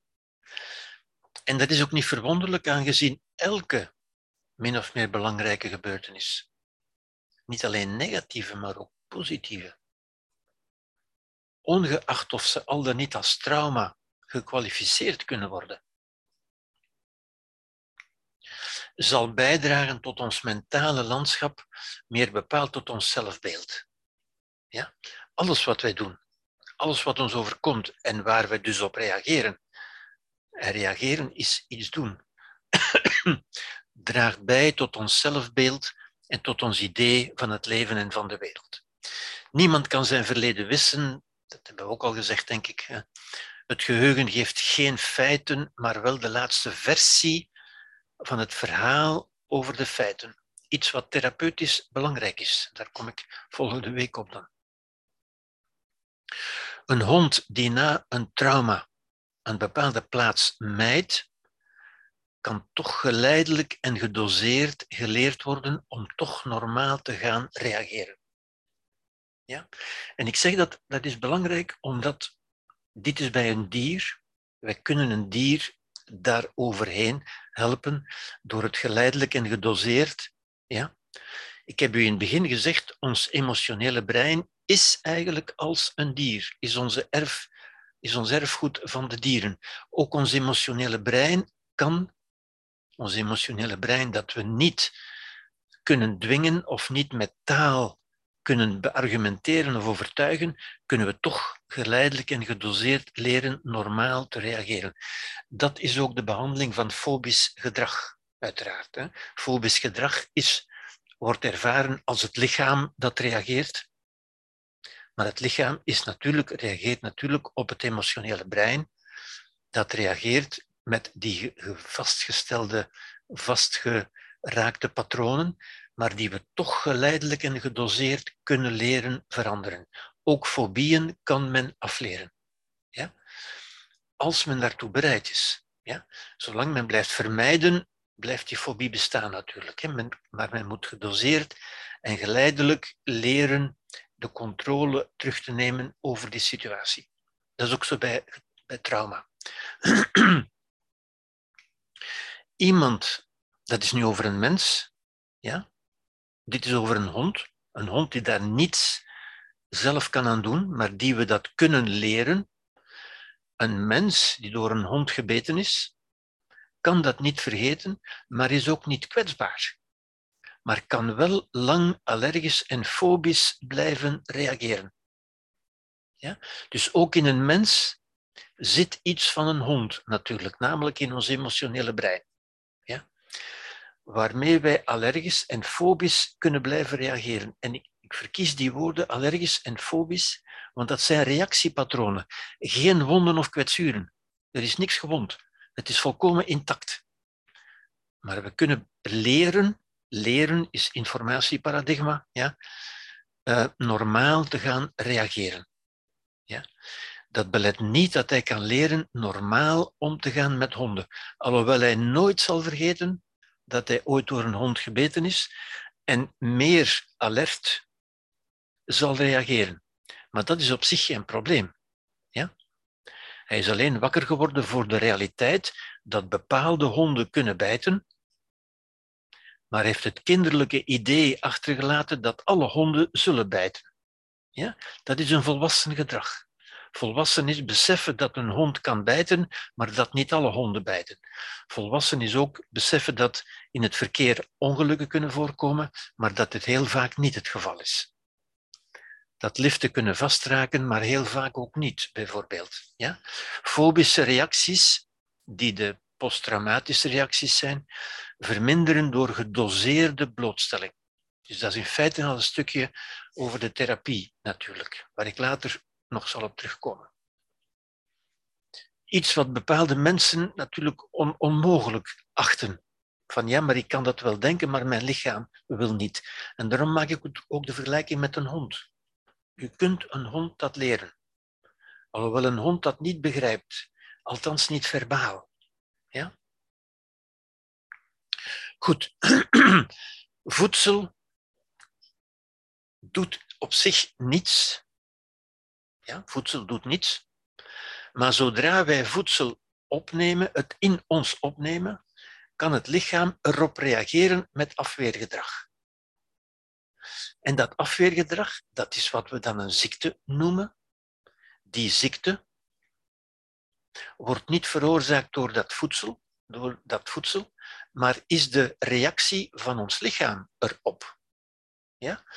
Een beetje vergelijkbaar dit gaat nu over voedsel. Ik zou kunnen zeggen, het virus, het coronavirus, doet op zich niets. Waar wij onze ziekte, ons ziekteproces, is onze reactie van ons lichaam op dat virus. Ja? De ziekte komt uit onszelf uiteindelijk. Het is ons immuunsysteem, of het afwezigheid van het immuunsysteem, of de overreactie van het immuunsysteem. Als we allergisch zijn bijvoorbeeld. Maar het virus doet op zich niets. Het bestaat gewoon zoals dat voedsel ook niets doet. Ja? Ik leg daar ook weer de nadruk op, omdat het een manier van denken is die ons kan helpen om ook zo te denken over de feiten. Feiten doen ook niets, gebeurtenissen doen niets, maar zodra wij ze binnennemen, zodra we er bewust van worden, kan ons bewustzijn erop reageren met afweergedrag. Dat is stress en symptomen. Ja? Wat verklaart, feiten doen ons ook niet lijden, ze maken ons niet blij, ze doen ons niet lijden. Dat is ons, onze reactie, onze respons erop. Ja? Symptomen zijn vaak allergische of fobische reacties van de geest en of van het lichaam. De feiten zijn voorbij, maar de reactie kan blijven. Ja? De vraag is dus niet, wat doet dit met mij? Wat is mij overkomen en wat doet dit met mij? Maar in het, in het informatieparadigma, ja, is de vraag, wat doe ik ermee? Wat doe ik ermee? Voor het virus is de vraag, wat doet mijn lichaam ermee?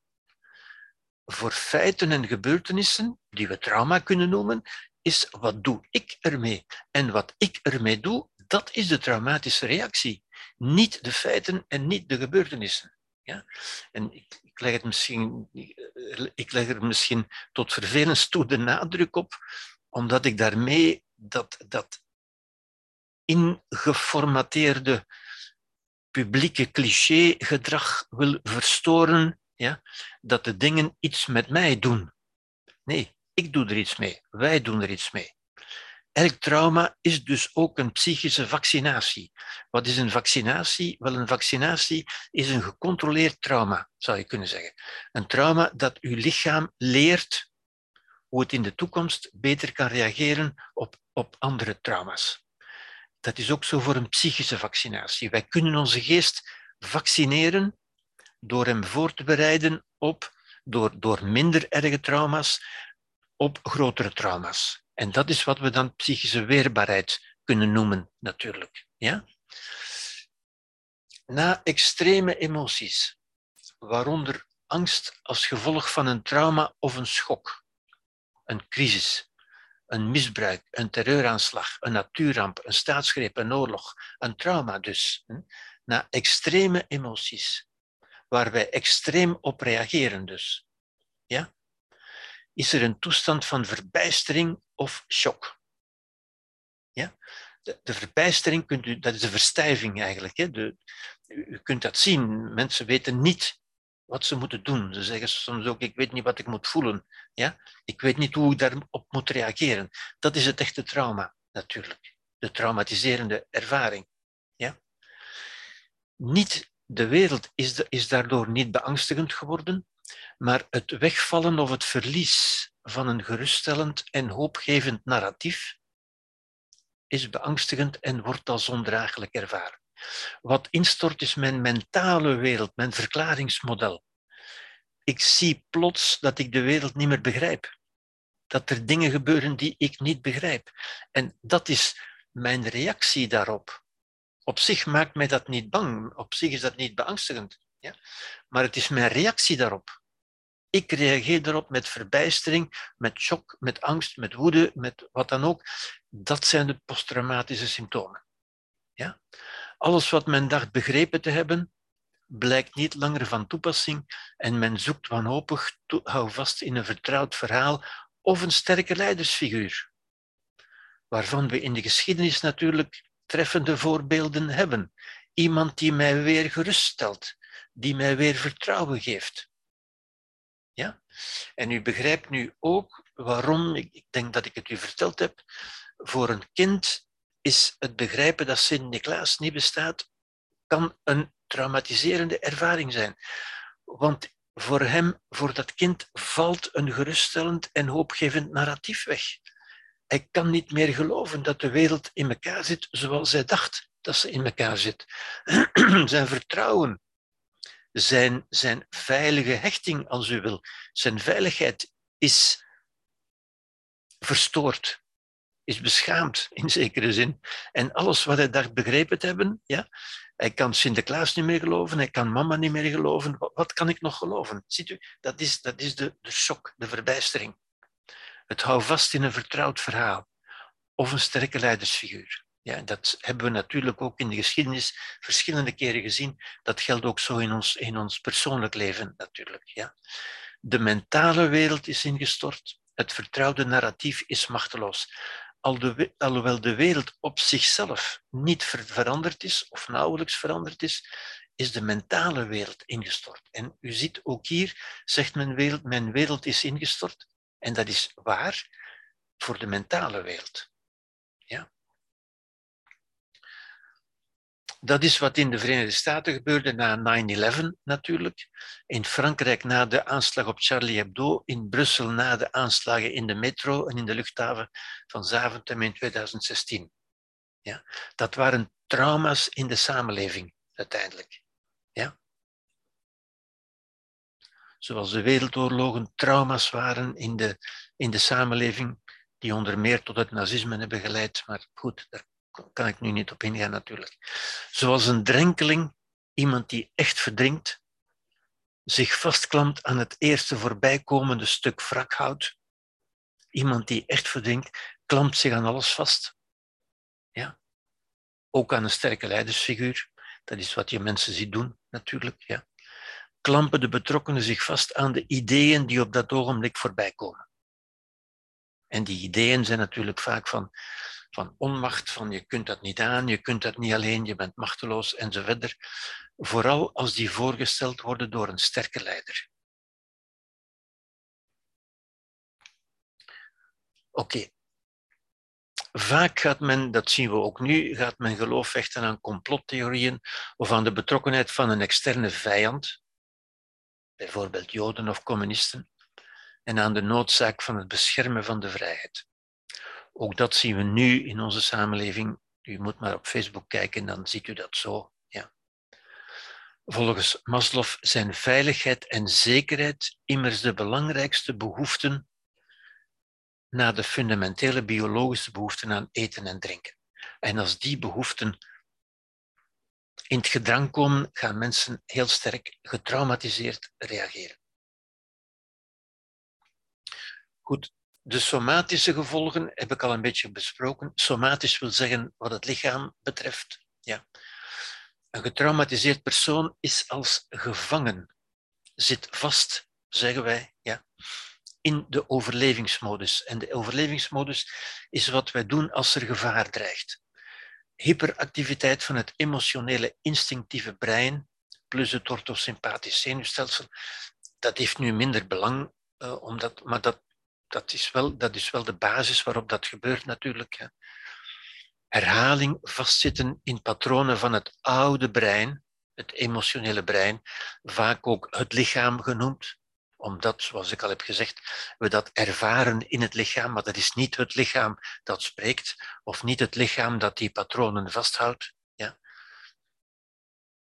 Chronische vlucht, vecht- of verstijvingsreacties, fight, flight or freeze, dat we zeggen angst, woede, stress.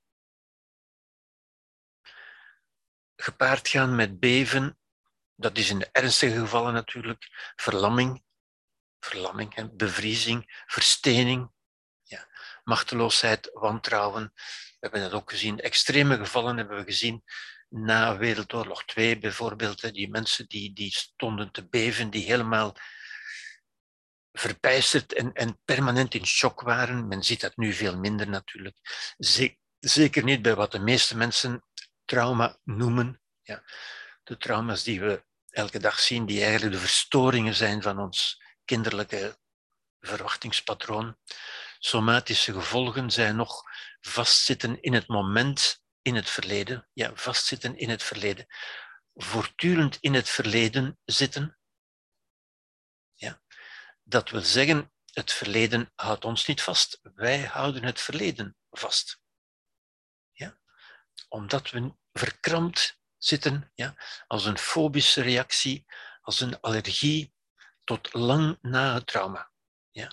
Als een paraplu opentrekken, en u weet het, het, het een beetje absurde van een paraplu is dat men hem vaak nog open heeft, hoewel de regen al gestopt is. Wel, dat is een beetje hier ook zo. Het zijn verdedigingsreacties, beschermingsreacties, overlevingsreacties, alhoewel de feiten al lang voorbij zijn. Het regent niet meer, maar we lopen nog altijd met onze paraplu open. Ja? Dat zijn geen wonden en kwetsuren, maar dat is omdat we iets niet goed genoeg begrepen hebben. Dat kind dat gebeten is door een hond en dat op elke hond reageert alsof het die hond uit het verleden was. Dat kind leeft niet in het nu, maar in het verleden. Dat is een gebrek aan informatie, aan wijsheid, aan maturiteit. Ja. Het gaat om functionele gevolgen zoals een kramp, zoals een vuist die ik maak. Dat wil zeggen iets wat we doen, geen organische gevolgen. Ja? Geen wonden en kwetsuren, dat zijn organische gevolgen. Functionele gevolgen is gevolgen in wat wij doen. Ja? Geen organische letsels, eh, schade, wonden enzovoort, die zijn er gewoon niet. Wel gevolgen van angst, boosheid, stress, maar dat is wat we doen, wat wij creëren. Ja? Volgens de Nederlands-Amerikaanse psychiater en traumaprofessor Bessel van der Kolk, een van de meest gereputeerde deskundigen, leidt een trauma tot echte fysiologische gevolgen en tot de verhoogde aanmaak van stresshormonen, waardoor het lichaam in een voortdurende alarmtoestand verkeert. Maar dat is iets wat wij doen dus. Hè. Dat is geen organisch letsel, er zijn geen wonden, er zijn geen kwetsuren. Het is wat wij doen, wat wij in stand houden door vast te houden aan het verleden, in feite. Ja?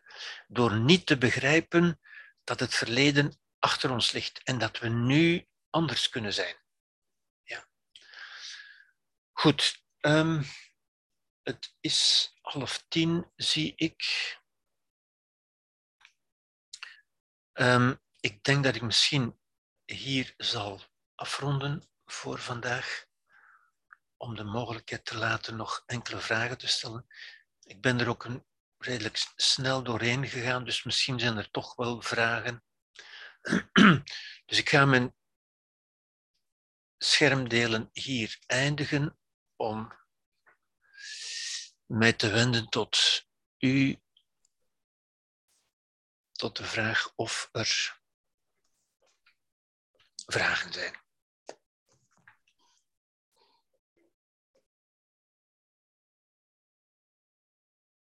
U kunt uw cameraatje aanzetten en spreken.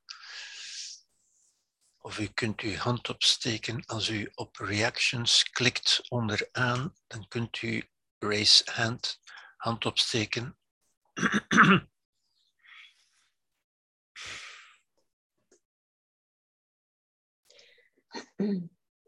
ja, Saskia.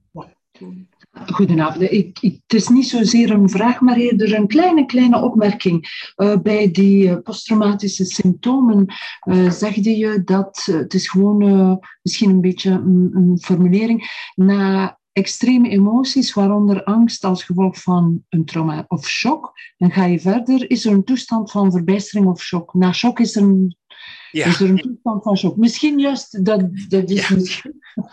ik dacht, ja, ja, ja, ja. Het, voilà. is, yes. het is niet aan je scherpe aandacht ontgaan. Dat is natuurlijk, dat is natuurlijk juist, ja. ja. Oké. Okay.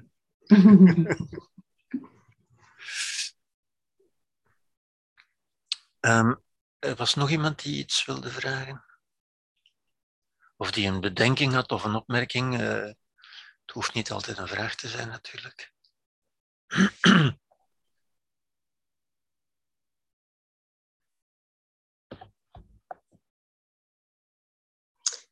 Chris, ja. Ja, goedenavond allemaal. Ja. Um, dank u voor de toelichting weer, de lezing. Uh, als het gaat over het, het, sterven van iemand die u dierbaar is, dan was ik zo aan het denken, ja, lijden of niet lijden is dan toch niet evident. Hè? En dan kwam ik op het woordje verdriet. En dan dacht ik zo van, goh, ja, er is allicht wel een wezenlijk verschil tussen lijden versus verdriet hebben. En allee, daar wou ik even eens vragen aan, aan jou, hoe, dat, hoe dat je daar naar kijkt dan. Ja, uh, ik zou zeggen, verdriet is toch een lijden. Iemand die verdriet heeft, uh, lijdt toch, zou ik zeggen. Hè? Ja? Dus ik zie verdriet als een vorm van lijden. Ja? En lijden zie ik in het algemeen. Ik heb de twee modellen van lijden gegeven. Ja? Er is u iets overkomen dat u niet wil. Dat is het lijden. En verdriet is dat toch ook. Ja? Verdriet is toch van dat, dat wil ik niet, dat is niet juist, dat was niet goed, dat was niet rechtvaardig. Ja? Maar ik denk dat verdriet heeft dat kenmerkende, alle emoties hebben iets kenmerkend natuurlijk. Hè. Uh, verdriet is, is ook geen, geen primaire emotie, het is, het is geen simpele, het is een samengestelde emotie. Ja. Ik denk, uh, men kan daarover discussiëren, maar daar zit iets in van niet aanvaarden, maar tegelijk ook beseffen dat men machteloos is. Er zit iets van machteloosheid in het verdriet. Ja? Dat maakt dat men niet actief in het verzet gaat, want men beseft ergens ook dat men dat niet kan. Ja? Lijden is vaak het verzet tegen iets wat er is om dat te doen verdwijnen. Als iemand gestorven is, dan voelt men, dan weet men ook ergens wel, dit kan ik niet winnen, ik kan dat niet doen verdwijnen. Dus er zit ook iets in van, van gelatenheid, van zich bij neerleggen, maar vermengd met, met woede en met angst ook, denk ik. Ja? Het is een complexe, een complexe emotie. Het is niet, u weet, de primaire emoties zijn angst, woede um, mm uh, en zo verder. Die, die zes, uh, die zes uh, um, primaire emoties. Verdriet hoort daar niet bij, omdat verdriet een, een gecombineerde een secundaire emotie is. Ja? Maar het is in ieder geval een lijden. Ja. Ja? Het is toch ook een. Mensen zeggen dat ook vaak, want mensen lijden soms nog, nog vele jaren later, omdat ze zeggen: Ik kan dat nog altijd niet aanvaarden. En dat is zo'n tekenende uitspraak. Hè. Ziet u, er is weer geen wonde of geen kwetsuur, maar er is de weigering om dat te aanvaarden. Omdat ze vaak ook zeggen, dat heeft vaak ook die morele betekenis van als ik leid, dan betekent dat dat ik erom gegeven heb. Dat er liefde is. Ja? Ja, ja maar, het, maar het omgekeerde, Gerbert, bestaat toch ook, denk ik, dat je, uh, dat je wel aanvaardt hè, dat iemand uh, sterft. er is trouwens geen alternatief. Hè. Uh, maar dat je toch vanuit vanuit een verdriet van, ja, ik kan dat gesprek niet meer voeren, ik kan niet meer terecht bij die persoon Ja. met, mijn, met mijn ditjes en mijn datjes, Ja. waardoor, dat je, waardoor Ja, dat je ja. verdriet, een verdriet voelt, niet vanuit de niet-aanvaarding, maar dan eerder vanuit het gemis aan iets wat niet meer kan zijn. Hè? Ja, ja, ja. Nu, ik, ik zou zeggen. eh, ik, ik- zeg dat niet graag natuurlijk, maar ik denk dat we toch moeten erkennen dat is een beetje het kinderlijke verzet tegen dat mocht niet gebeuren, dat mocht niet weggaan. Ja? Het echte aanvaarden is een volwassen houding van, van je begrijpt dat dat soort dingen gebeurt en dat dat geen aantasting is van je welzijn. Ja?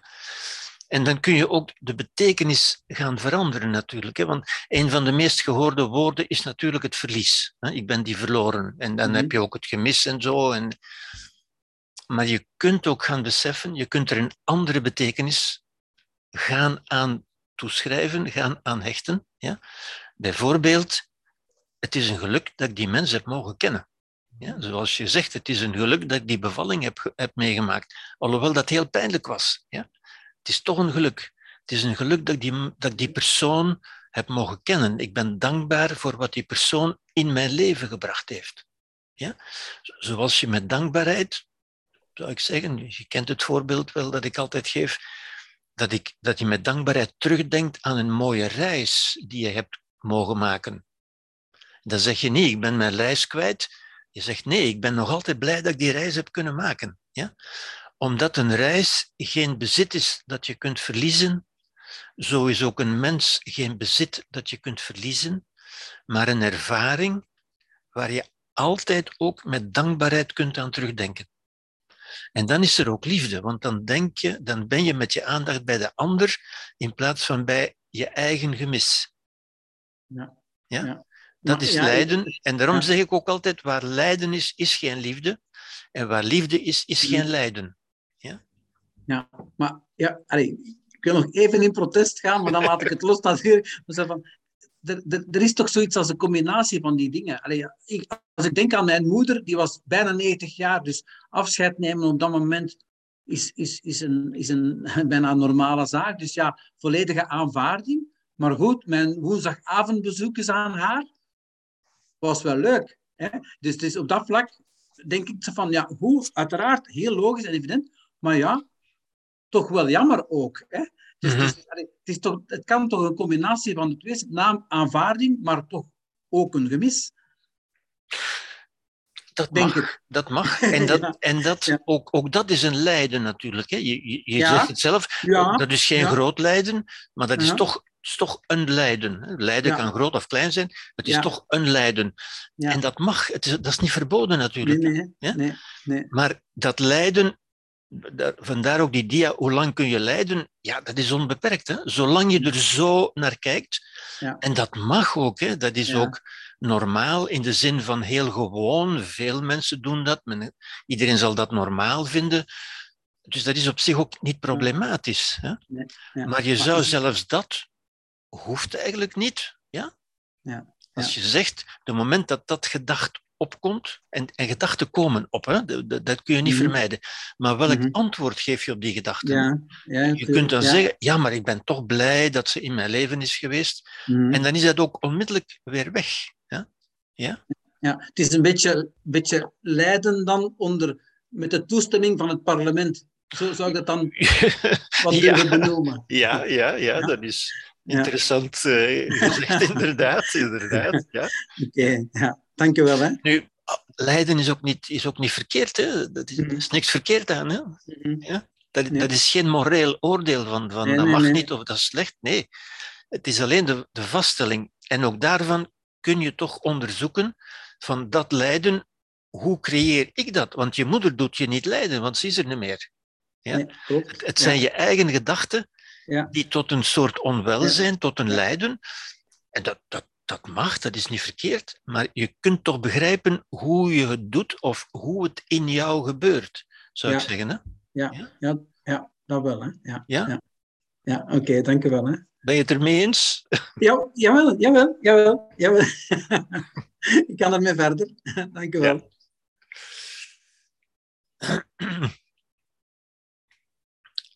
Uh, Hans, ja, Hans, Hans Juchtmans.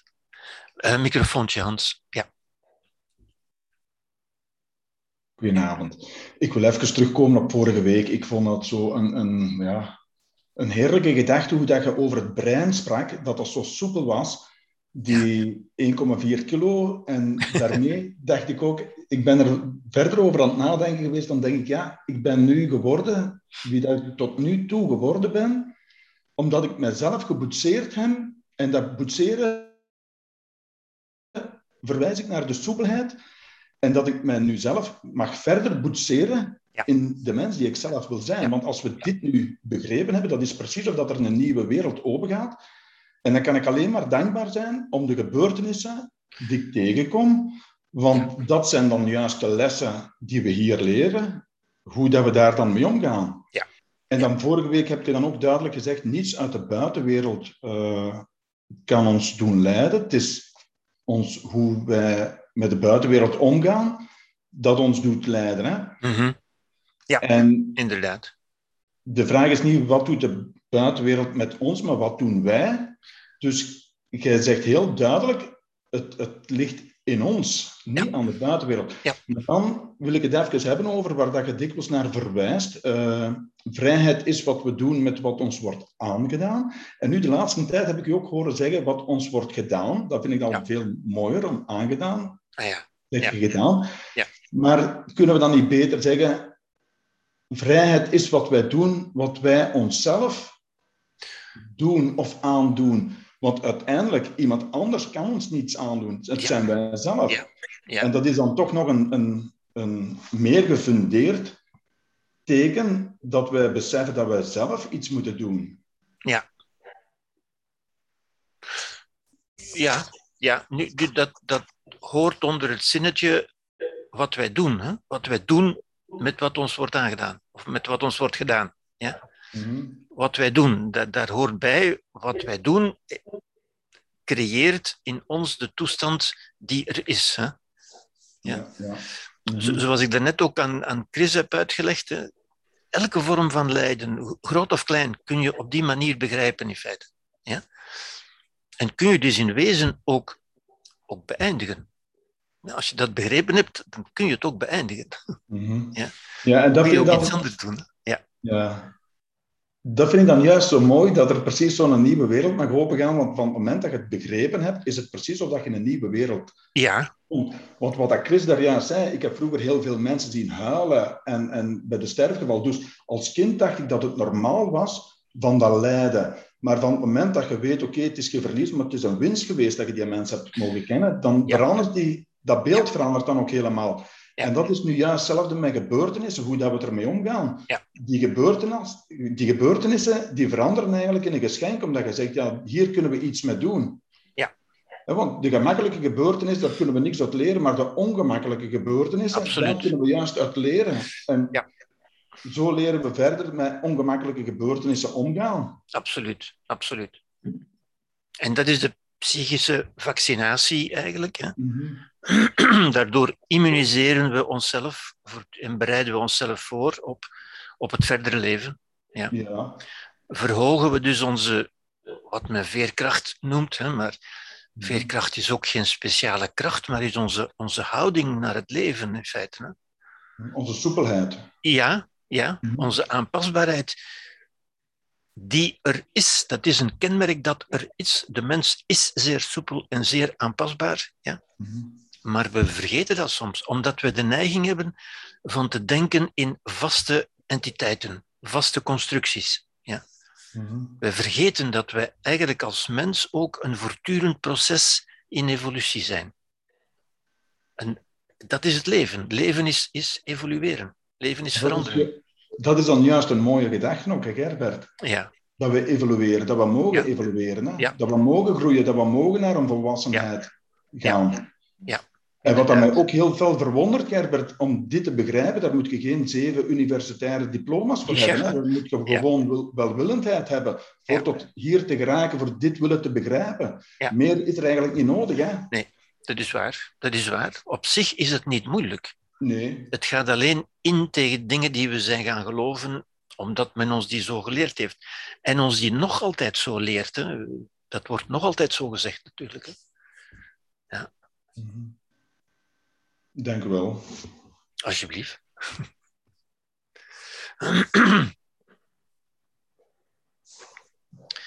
Zijn er nog... Uh... Rita wil uh, even... Rita, Zo, waar, waar is Rita? Ik zie Rita plots niet meer. Uh, ja. Microfoontje, Rita, vind je het? Ja, uh, ik, ik zit zo nog een beetje te worstelen met... Uh, de, je had het over hoe lang duurt lijden. Wacht even, Rita, ik kan je niet goed... Ah ja, ik zie je daar. Ik kan je niet goed horen. Kun je iets luider spreken? Ja, maar, uh, je had het over hoe ja. lang duurt lijden, maar mijn vraag is ook een beetje van hoe kort duurt lijden dan? Ik ja. zit een beetje in mijn hoofd met, uh, van als er iets gebeurt in je leven, heb je toch ook een stuk tijd nodig om te rouwen en om te lijden. Ja. En is dat, allee, het is toch ook als er iemand sterft dat er rouwarbeid is, zo hebben we het toch ja. geleerd ook. Valt, ja. In dit geval valt dat dan eigenlijk allemaal een stuk weg. Ja. Toch? Terwijl dat ik zelf heb al mogen ervaren dat pas vanuit je eigen lijden, als je daarin overgave in gaat, dat je dan eigenlijk nieuwe kracht vindt uit jezelf mm -hmm. om terug opnieuw te groeien. Ja. Terwijl dit is toch wel heel vanuit, vanuit echt, alleen vanuit verstand.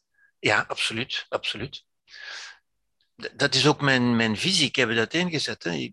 Mijn visie is dat het narratieve brein signalen geeft aan, of boodschappen doorgeeft aan het emotionele brein, dat boodschappen doorgeeft aan het lichaam. Ja? Als je, zegt, als je vraagt hoe lang of hoe kort is het lijden, dan doe je een beetje wat ik daarnet heb gezegd dat behandelen alsof dat vaste entiteiten zijn met een vast schema en een vaste tijdsduur en zo verder. Maar het, dat is niet zo. Ja? Het duurt zo lang als u wil. Ja? En natuurlijk, ook dat is iets wat ik nu niet heb kunnen zeggen, maar wat ik, wat ik nu kan zeggen. Bijvoorbeeld in het, uh, in het Oosten doet men heel vaak, of wordt aanbevolen, is dat een deel van de wijsheid, van de algemene wijsheid, ja, dat je doet aan voorrouwen. Dat wil zeggen dat je er vooraf al aan denkt, aan die wijsheid van niets behoort mij toe, zeker niet een persoon, en alles wat er in mijn leven is, kan ook weer verdwijnen. Het kan binnen een uur verdwijnen, of binnen een dag, of binnen een week, of binnen tien jaar. Ja? Maar het hoort mij niet toe.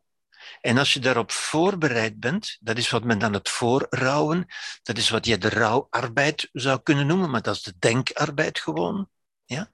Daaraan denken. Ja? Bij ons doet men vrijwel uitsluitend aan narouwen. Dat we zeggen, als het gebeurd is, dan moet men nog gaan bedenken van hoe kan ik daar nu mee omgaan. Terwijl bijvoorbeeld als ik teruggrijp naar het voorbeeld van een reis, van een reis weet je eigenlijk op voorhand dat die ooit zal eindigen en dat dat geen drama zal zijn. Dat je in tegendeel in die reis veel zult opdoen en veel meekrijgt, dat je blijvend zult meedragen. Ja? Dus je houding is helemaal anders. Een beetje zoals je houding naar een bevalling. Ja? Daar ga je niet naartoe als naar een trauma, maar als naar een gelukkige gebeurtenis. En zie je, die betekenis, die is van doorwegend belang, zou ik zeggen. En die bepaalt je houding, die bepaalt je beleving. Ja? Als je het ziet, een beetje zoals, zoals Hans daarnet ook zei, als je het ziet als een voorrecht van in leven te zijn en, en andere levende wezens in je buurt te hebben, maar die ook voortdurend kunnen verdwijnen, ja? Zowel je eigen leven kan, kan ophouden als het leven van die mensen, of die kunnen een andere weg uitslaan en uit je leven verdwijnen. En dat zijn geen rampen, dat zijn geen drama's, dat zijn de feiten van het leven. Maar dat is een, een volwassen visie op het leven. Een kind kan dat, kan dat niet. Een kind huilt als mama de kamer verlaat. Ja? En, en dat is een beetje het, het model van wij die, die als volwassenen die huilen omdat iemand het leven verlaten heeft. Ja? Is dat een antwoord op je vraag, Rita? Ja, toch wel. Maar dan valt die, die rouwarbeid en zo, dan valt dat eigenlijk wel een stuk weg. Als, uh... wel, maar dat geloof ik ook. Dat geloof ik ook. Ja? Ik denk dat u van nu af aan, met, met de gedachten die ik nu heb meegegeven, daar anders kunt tegenaan kijken, daarover nadenken.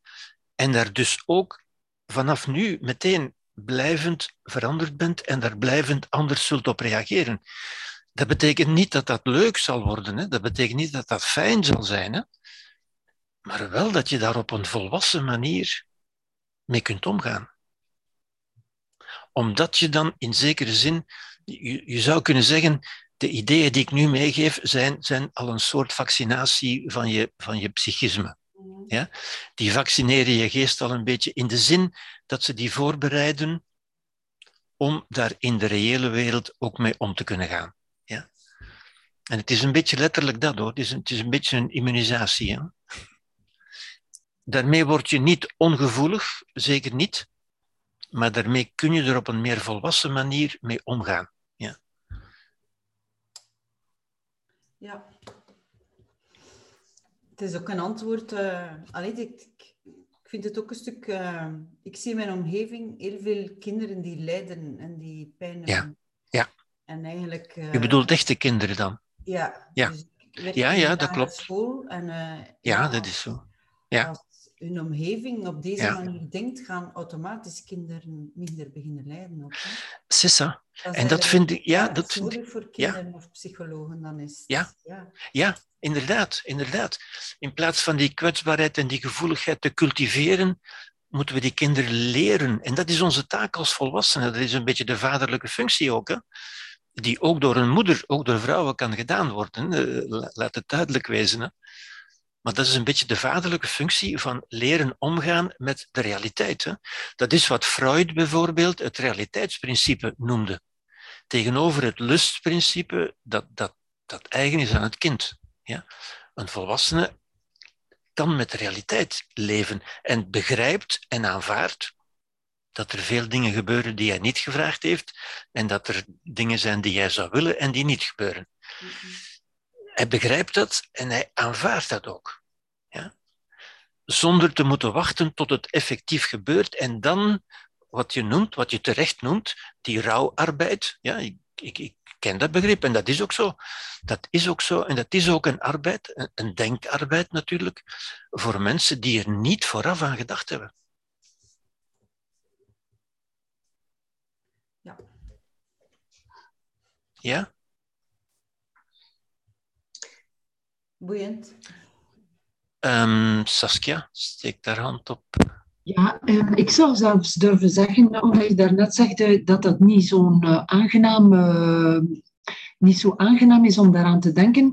Ik zou zeggen, als je helemaal tot het einde voluit denkt en eh, de hele looping doet, dat het bijzonder eh, ehm, verrijkend is. En eigenlijk kan je dan zeggen, goh, ik weet dat, dit, dat ik dit en dit geschenk zal teruggeven, maar eh, Ja. we zijn er nog niet. En dus vandaag is het feest, want ik heb het nog, die persoon is er nog. Dus als je helemaal doorgaat tot het einde van het denken, kom je tot de realisatie van dit nu bestaat wel. En dan ben je heel gelukkig, dan, dan kan je niet anders dan goh, fantastisch gelukkig zijn. Dus als maar mensen stoppen en zitten denken, goh, ik ga dat dan niet meer hebben, en dan, dan, blijf, dan, dan zit je in een, in een verdrietig denken, dan, eh, en dan zit je in een soort... ehm, Ja. En ik wil dat niet. Maar als je zegt, ga, ik weet dat, als volwassene weet ik dat dit zal teruggegeven worden of dat dit niet eeuwig zal duren.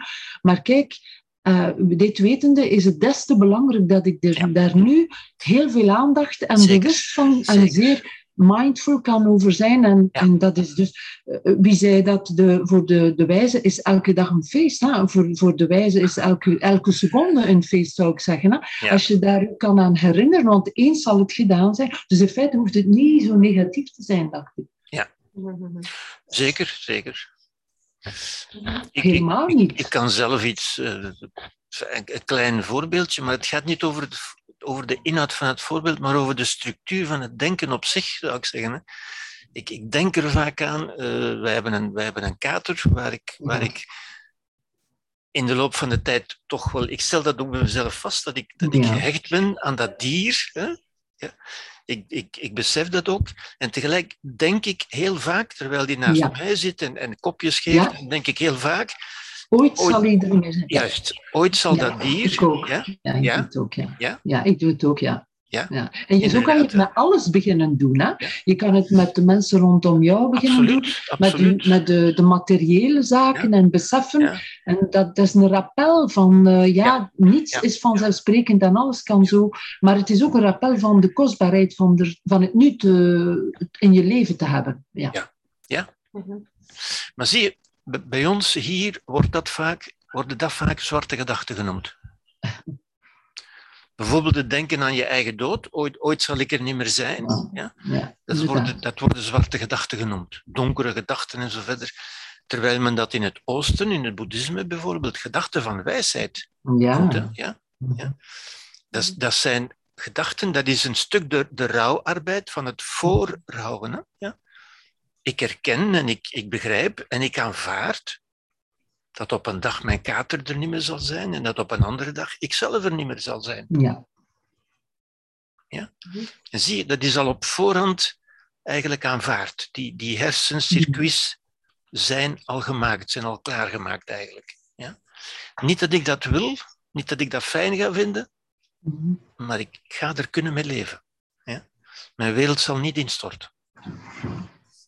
En dan het laatste stuk, dan, dan zeggen maar, kijk, die kater is er nu wel. En dus ga ik daar ten volle ja. 100% van uh, genieten. En, en die persoon, of uh, Mia, is er nu wel, of Gerbert is er nu wel. Dus ik weet dat het ooit, hè, maar nu is het wel. Dat, dat, kan je, dat verhoogt de intensiteit van de, de seconde die je beleeft nu, vind ik. Ja, absoluut. Absoluut. Dat helpt om in het nu te zijn, inderdaad.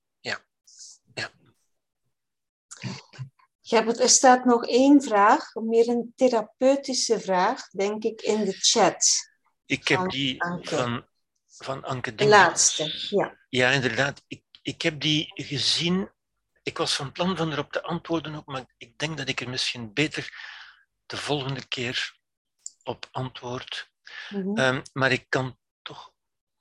Ah, Ah ja, ja, ah, ja, ja inderdaad. Dat Waarom die therapieën, dat is een andere vraag. Die, die werken op het lichaam, ja, ja, dat die soms beter werken, blijkbaar, dan al de cognitieve therapieën. Ja, ja. Die werken vanuit het lichamelijke. Um, ik denk niet dat er therapieën zijn die werken vanuit het lichamelijke. Ja. Men, men, zegt dat wel en men kan dat ook geloven natuurlijk. En ook dat is een betekenis die men dan geeft. Maar bijvoorbeeld EMDR dat zijn, men, men maakt wel lichamelijke gesticulaties, men doet wel lichamelijke dingen, maar dat doet eigenlijk niets in het lichaam. Ja. Dat doet wel iets in wat wij geloven, in de betekenis die wij geven. En dat stond in dat zinnetje dat in een van de dia's ook stond, en ook iets wat wij niet genoeg beseffen, natuurlijk. Namelijk dat ons geheugen, ons ik dus, ons narratieve ik, ja, geen kopie bevat van de feiten, maar wel van de laatste versie van ons idee over de feiten. Met andere woorden, van de betekenis. Ja? Zoals we aan een bevalling denken als aan een gelukkige gebeurtenis. Ja? We denken aan de betekenis. Ja? En zo is dat bij EMDR ook. Terwijl men die gesticulaties doet, en mensen houden van dat soort magische bewegingen. Eh, men kan ook bomen gaan omhelzen en dat soort dingen. Eh, de zogenaamde Silva-therapie tegenwoordig, of, of een aromatherapie, of, of wat dan ook. Die doen eigenlijk niets aan het lichaam, maar wel aan de door de boodschap die erbij wordt gezegd. Als je dit doet, dan zul je je beter voelen. Als je dit doet, eh, bij EMDR bijvoorbeeld, maar ook in de, de therapie van uh, Inge, Inge, uh, Ingeborg, eh, nee, ik ben haar naam niet vergeten. Past Reality Integration, PRI. Wie, hoe is haar naam ook weer? Inge, en nog iets, ben ik nu vergeten. Ja. Dan zegt men van, kijk, denk nu eens aan dat verleden, haal het eens terug op, dat doet men bij MDR ook natuurlijk, En dan kun je dat nu wegbergen onder een meer volwassen vorm. Ja, je kunt dat nu als een volwassene rustig in je volwassen geheugen opslaan en zo verder en zo verder. Ja. En je kunt dat doen tot je niks meer voelt, tot, je, tot, tot de emotionele geladenheid verdwenen is, maar die zal ook verdwijnen als je dat, als je dat gewoon zegt. Eigenlijk zijn dat hypnotische technieken, suggestieve technieken, maar dat is de echte kracht van therapie waarom het ook een, een, een kunst is en geen wetenschap. Wetenschappelijk kunnen we daar niks mee doen. De wetenschap kan EMDR niet verklaren. Ja? Men kan het alleen verklaren als men snapt dat men daardoor betekenissen overdraagt, overbrengt, suggereert. En in de mate dat de ander dat aanneemt, dat hij die betekenis aanneemt, hè, zoals ik, als, ik, als ik zeg, je kunt aan, aan, aan een persoon denken als aan een reis, ja, dan breng ik een bepaalde betekenis over. Als u die betekenis aanneemt en, en als u zegt van, ah ja, zo kan ik ook denken, inderdaad, dan is er bij u iets gebeurd. Ja? Niet dat ik iets gedaan heb, maar er is wel bij u iets gebeurd. Zo kan ik ook EMDR zeggen, volg mijn vinger een keer en terwijl u dat doet, zal er dit en dat gebeuren. Als u dat aanneemt, dan gebeurt dat ook. Ja? Dat is de hypnotische kracht van, van een narratief dat men overbrengt uiteindelijk. Ja. Ook als men zegt, uh, ga nu een keer die boom omhelzen en, en, en, voel eens een keer die energie van die boom die door uw lichaam stroomt en zo verder. Nu, als men dat zegt, dan gaat u dat ook voelen. Ja? Als u uzelf voorneemt, ik ga, ik ga nu de energie van die boom voelen die door mijn lichaam stroomt, dan voelt u dat ook. En die lichaam zal, mij, zal mijn wonden genezen, dan voelt u dat ook. Ja? Hoe idioot dat ook mag klinken, maar het, het is wezenlijk zo. Ja. En dat toont alleen maar aan dat door wat wij denken, wij onze emoties bepalen. Ja. Als we iets een verlies noemen, dan leidt dat onmiddellijk tot emoties van verlies, tot verdriet, tot neerslachtigheid. Als we iets dankbaarheid als dankbaarheid benoemen, als we zeggen ik kan dankbaar zijn dat ik die persoon die heeft zoveel in mijn leven binnengebracht, dan voelt u zich meteen anders. Ja? En het is belangrijk dat u dat ook doet, eh, dat u dat zelfs hier, nu doet, want dan ervaart u dat. En die ervaring maakt het ook reëel, overtuigt u. Ja? En dat heeft niks met wetenschap of met brainscans of met neurotransmitters te maken, maar alles met een existentiële benadering. Ja. Um, wie vroeg? Wie vroeg die? Saskia vroeg dat zeker. Hè? Dat was een vraag van, van uh, Anke, die je ook al bedankt Van Anke, ja, ik weet niet of Anke mij gehoord heeft of ja, niet. Ja, jawel, want ze bedankt je al. Ja, ja. Ah ja, ah, oké, oké, oké. Is dat een antwoord op je vraag, Anke? Ja, het is een antwoord op mijn vraag, maar ik heb wel die bedenking, maar ik ben daar niet, niet, niet kundig genoeg over. Uh, met de bomen enzovoorts ben ik helemaal mee. Uh, ja. Maar voor zover dat ik het weet en ervaren heb, direct en indirect, bij EMDR hebben ze bij mij nooit gezegd, wat ik, ze, de, ze zeiden niks. Ja, oké, okay. ik geef ook maar een voorbeeld. Hè. Ah, ja, um, maar dan, dan ja, is ze zeiden niks, zelfs als ze niets zeggen. Hè, en dat, dat is het, het, merkwaardige natuurlijk. Hè. Zelfs als je niets zeggen, je leert aan die traumatische gebeurtenis terugdenken als het daarover ging. Ik weet niet eens of het daarover ging.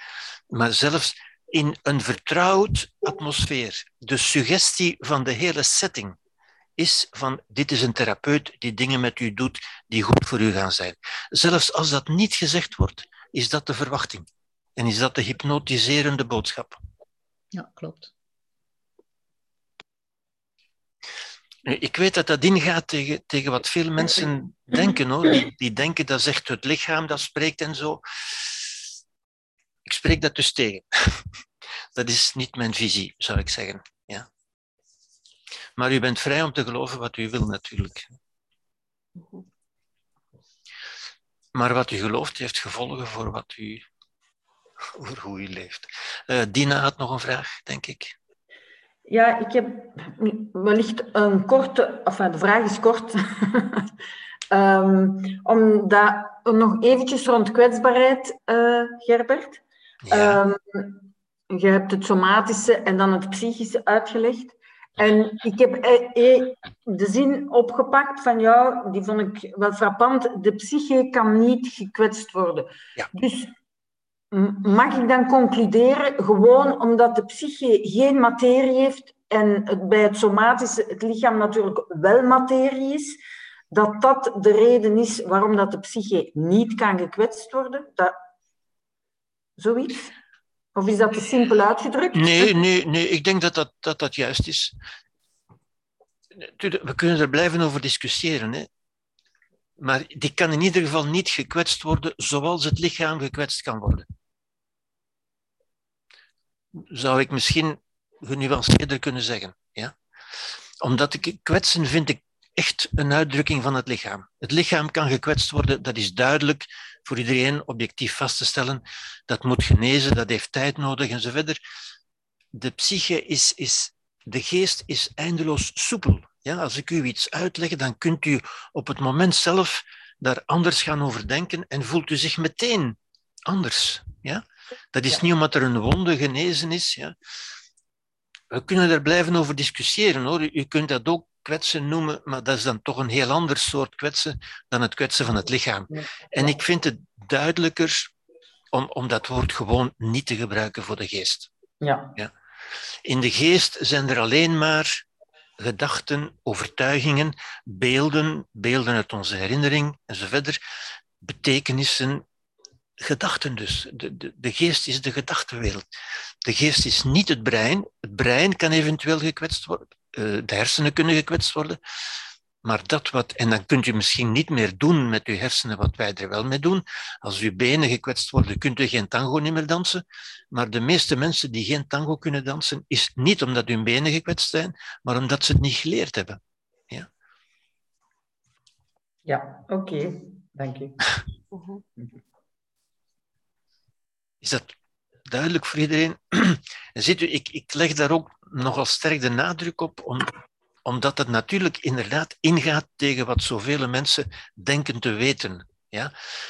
Denken te weten, omdat ze het ook van zoveel kanten horen natuurlijk. Hè? Maar het is een voorbijgestreefd paradigma, denk ik. Ja?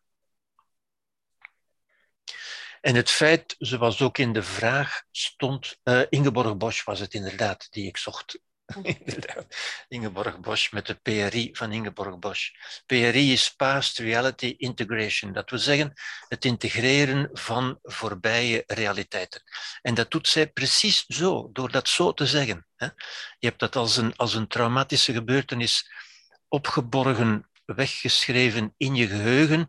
Je kunt daar nu aan denken als volwassen mens en dat op een volwassen manier terug wegschrijven in je geheugen. Ze zegt dat letterlijk zo. Ja?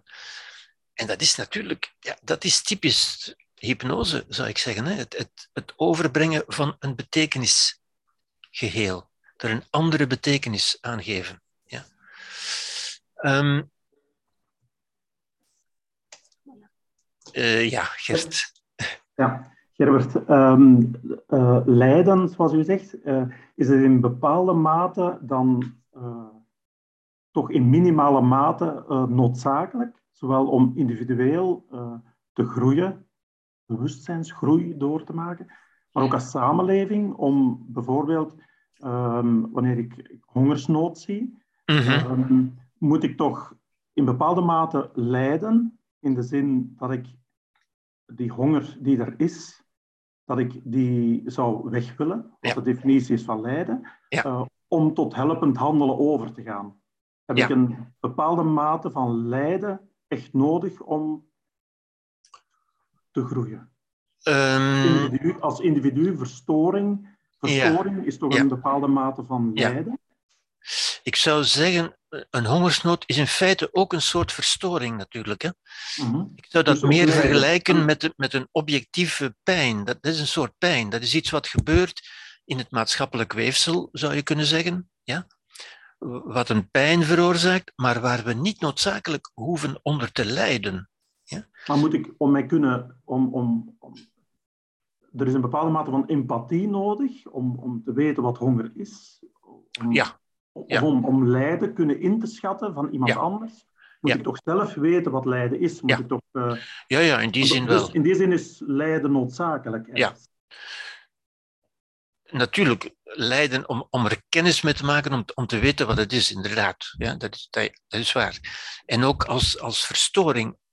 Verstoring is juist iets wat ons aanzet om te gaan nadenken, om tot empathie te komen. Hè. Empathie is ook een, een redelijk iets. Hè. Je, je, je denkt je in mensen die lijden, je kunt hun lijden niet voelen. Ook dat is een illusie natuurlijk, hè. je kunt dat niet voelen maar je, je, je ziet het op hun gezicht, je interpreteert het aan hun, aan hun niet-verbale communicatie. Ja?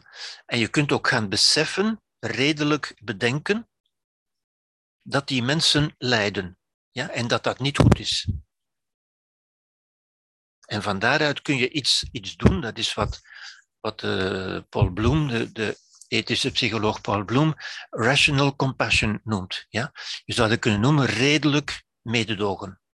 Redelijk mededogen. Niet het mededogen dat, dat, dat op onmiddellijk gevoel inwerkt, ja? omdat het in je buurt is, omdat het iemand is die je kent, waar je een band mee hebt, maar iemand waarvan je begrijpt dat die lijdt en dat dat niet goed is. Ja, ja, daar ben ik het mee eens. Zoals je natuurlijk ook een keer honger moet gehad hebben om te beseffen wat honger is, natuurlijk. ja. Oké. Mij lijkt het een goed moment om langzaam de avond af te ronden. Uh, behalve als er nog dringende vragen zouden zijn. En anders wil ik jullie van harte bedanken voor deze betrokken aanwezigheid en voor de spitsvondige vragen op het einde van de avond nog. Dankjewel en graag tot volgende week. Ja. Dankjewel voor uw aanwezigheid. Wel, en tot volgende week. Dankjewel. Dag. Uh, Dankjewel. Uh, goedenavond nog. Goedenavond. Dag Natalia. Dag Natalia. Ja. Dag Natalia. Dag Godfried. -hmm. Goedenacht. Goedenacht, Saskia. Dag Saskia. Fijn dat je er was. Ja, ik heb eventjes afwezig moeten zijn, maar ik heb nog juist op het einde in kunnen ja, schakelen. Inderdaad, inderdaad. Ik heb meteen overdonderd met een vraag dan. Dat is geen probleem. Dat is geen probleem. Tot, tot volgende week. Ja,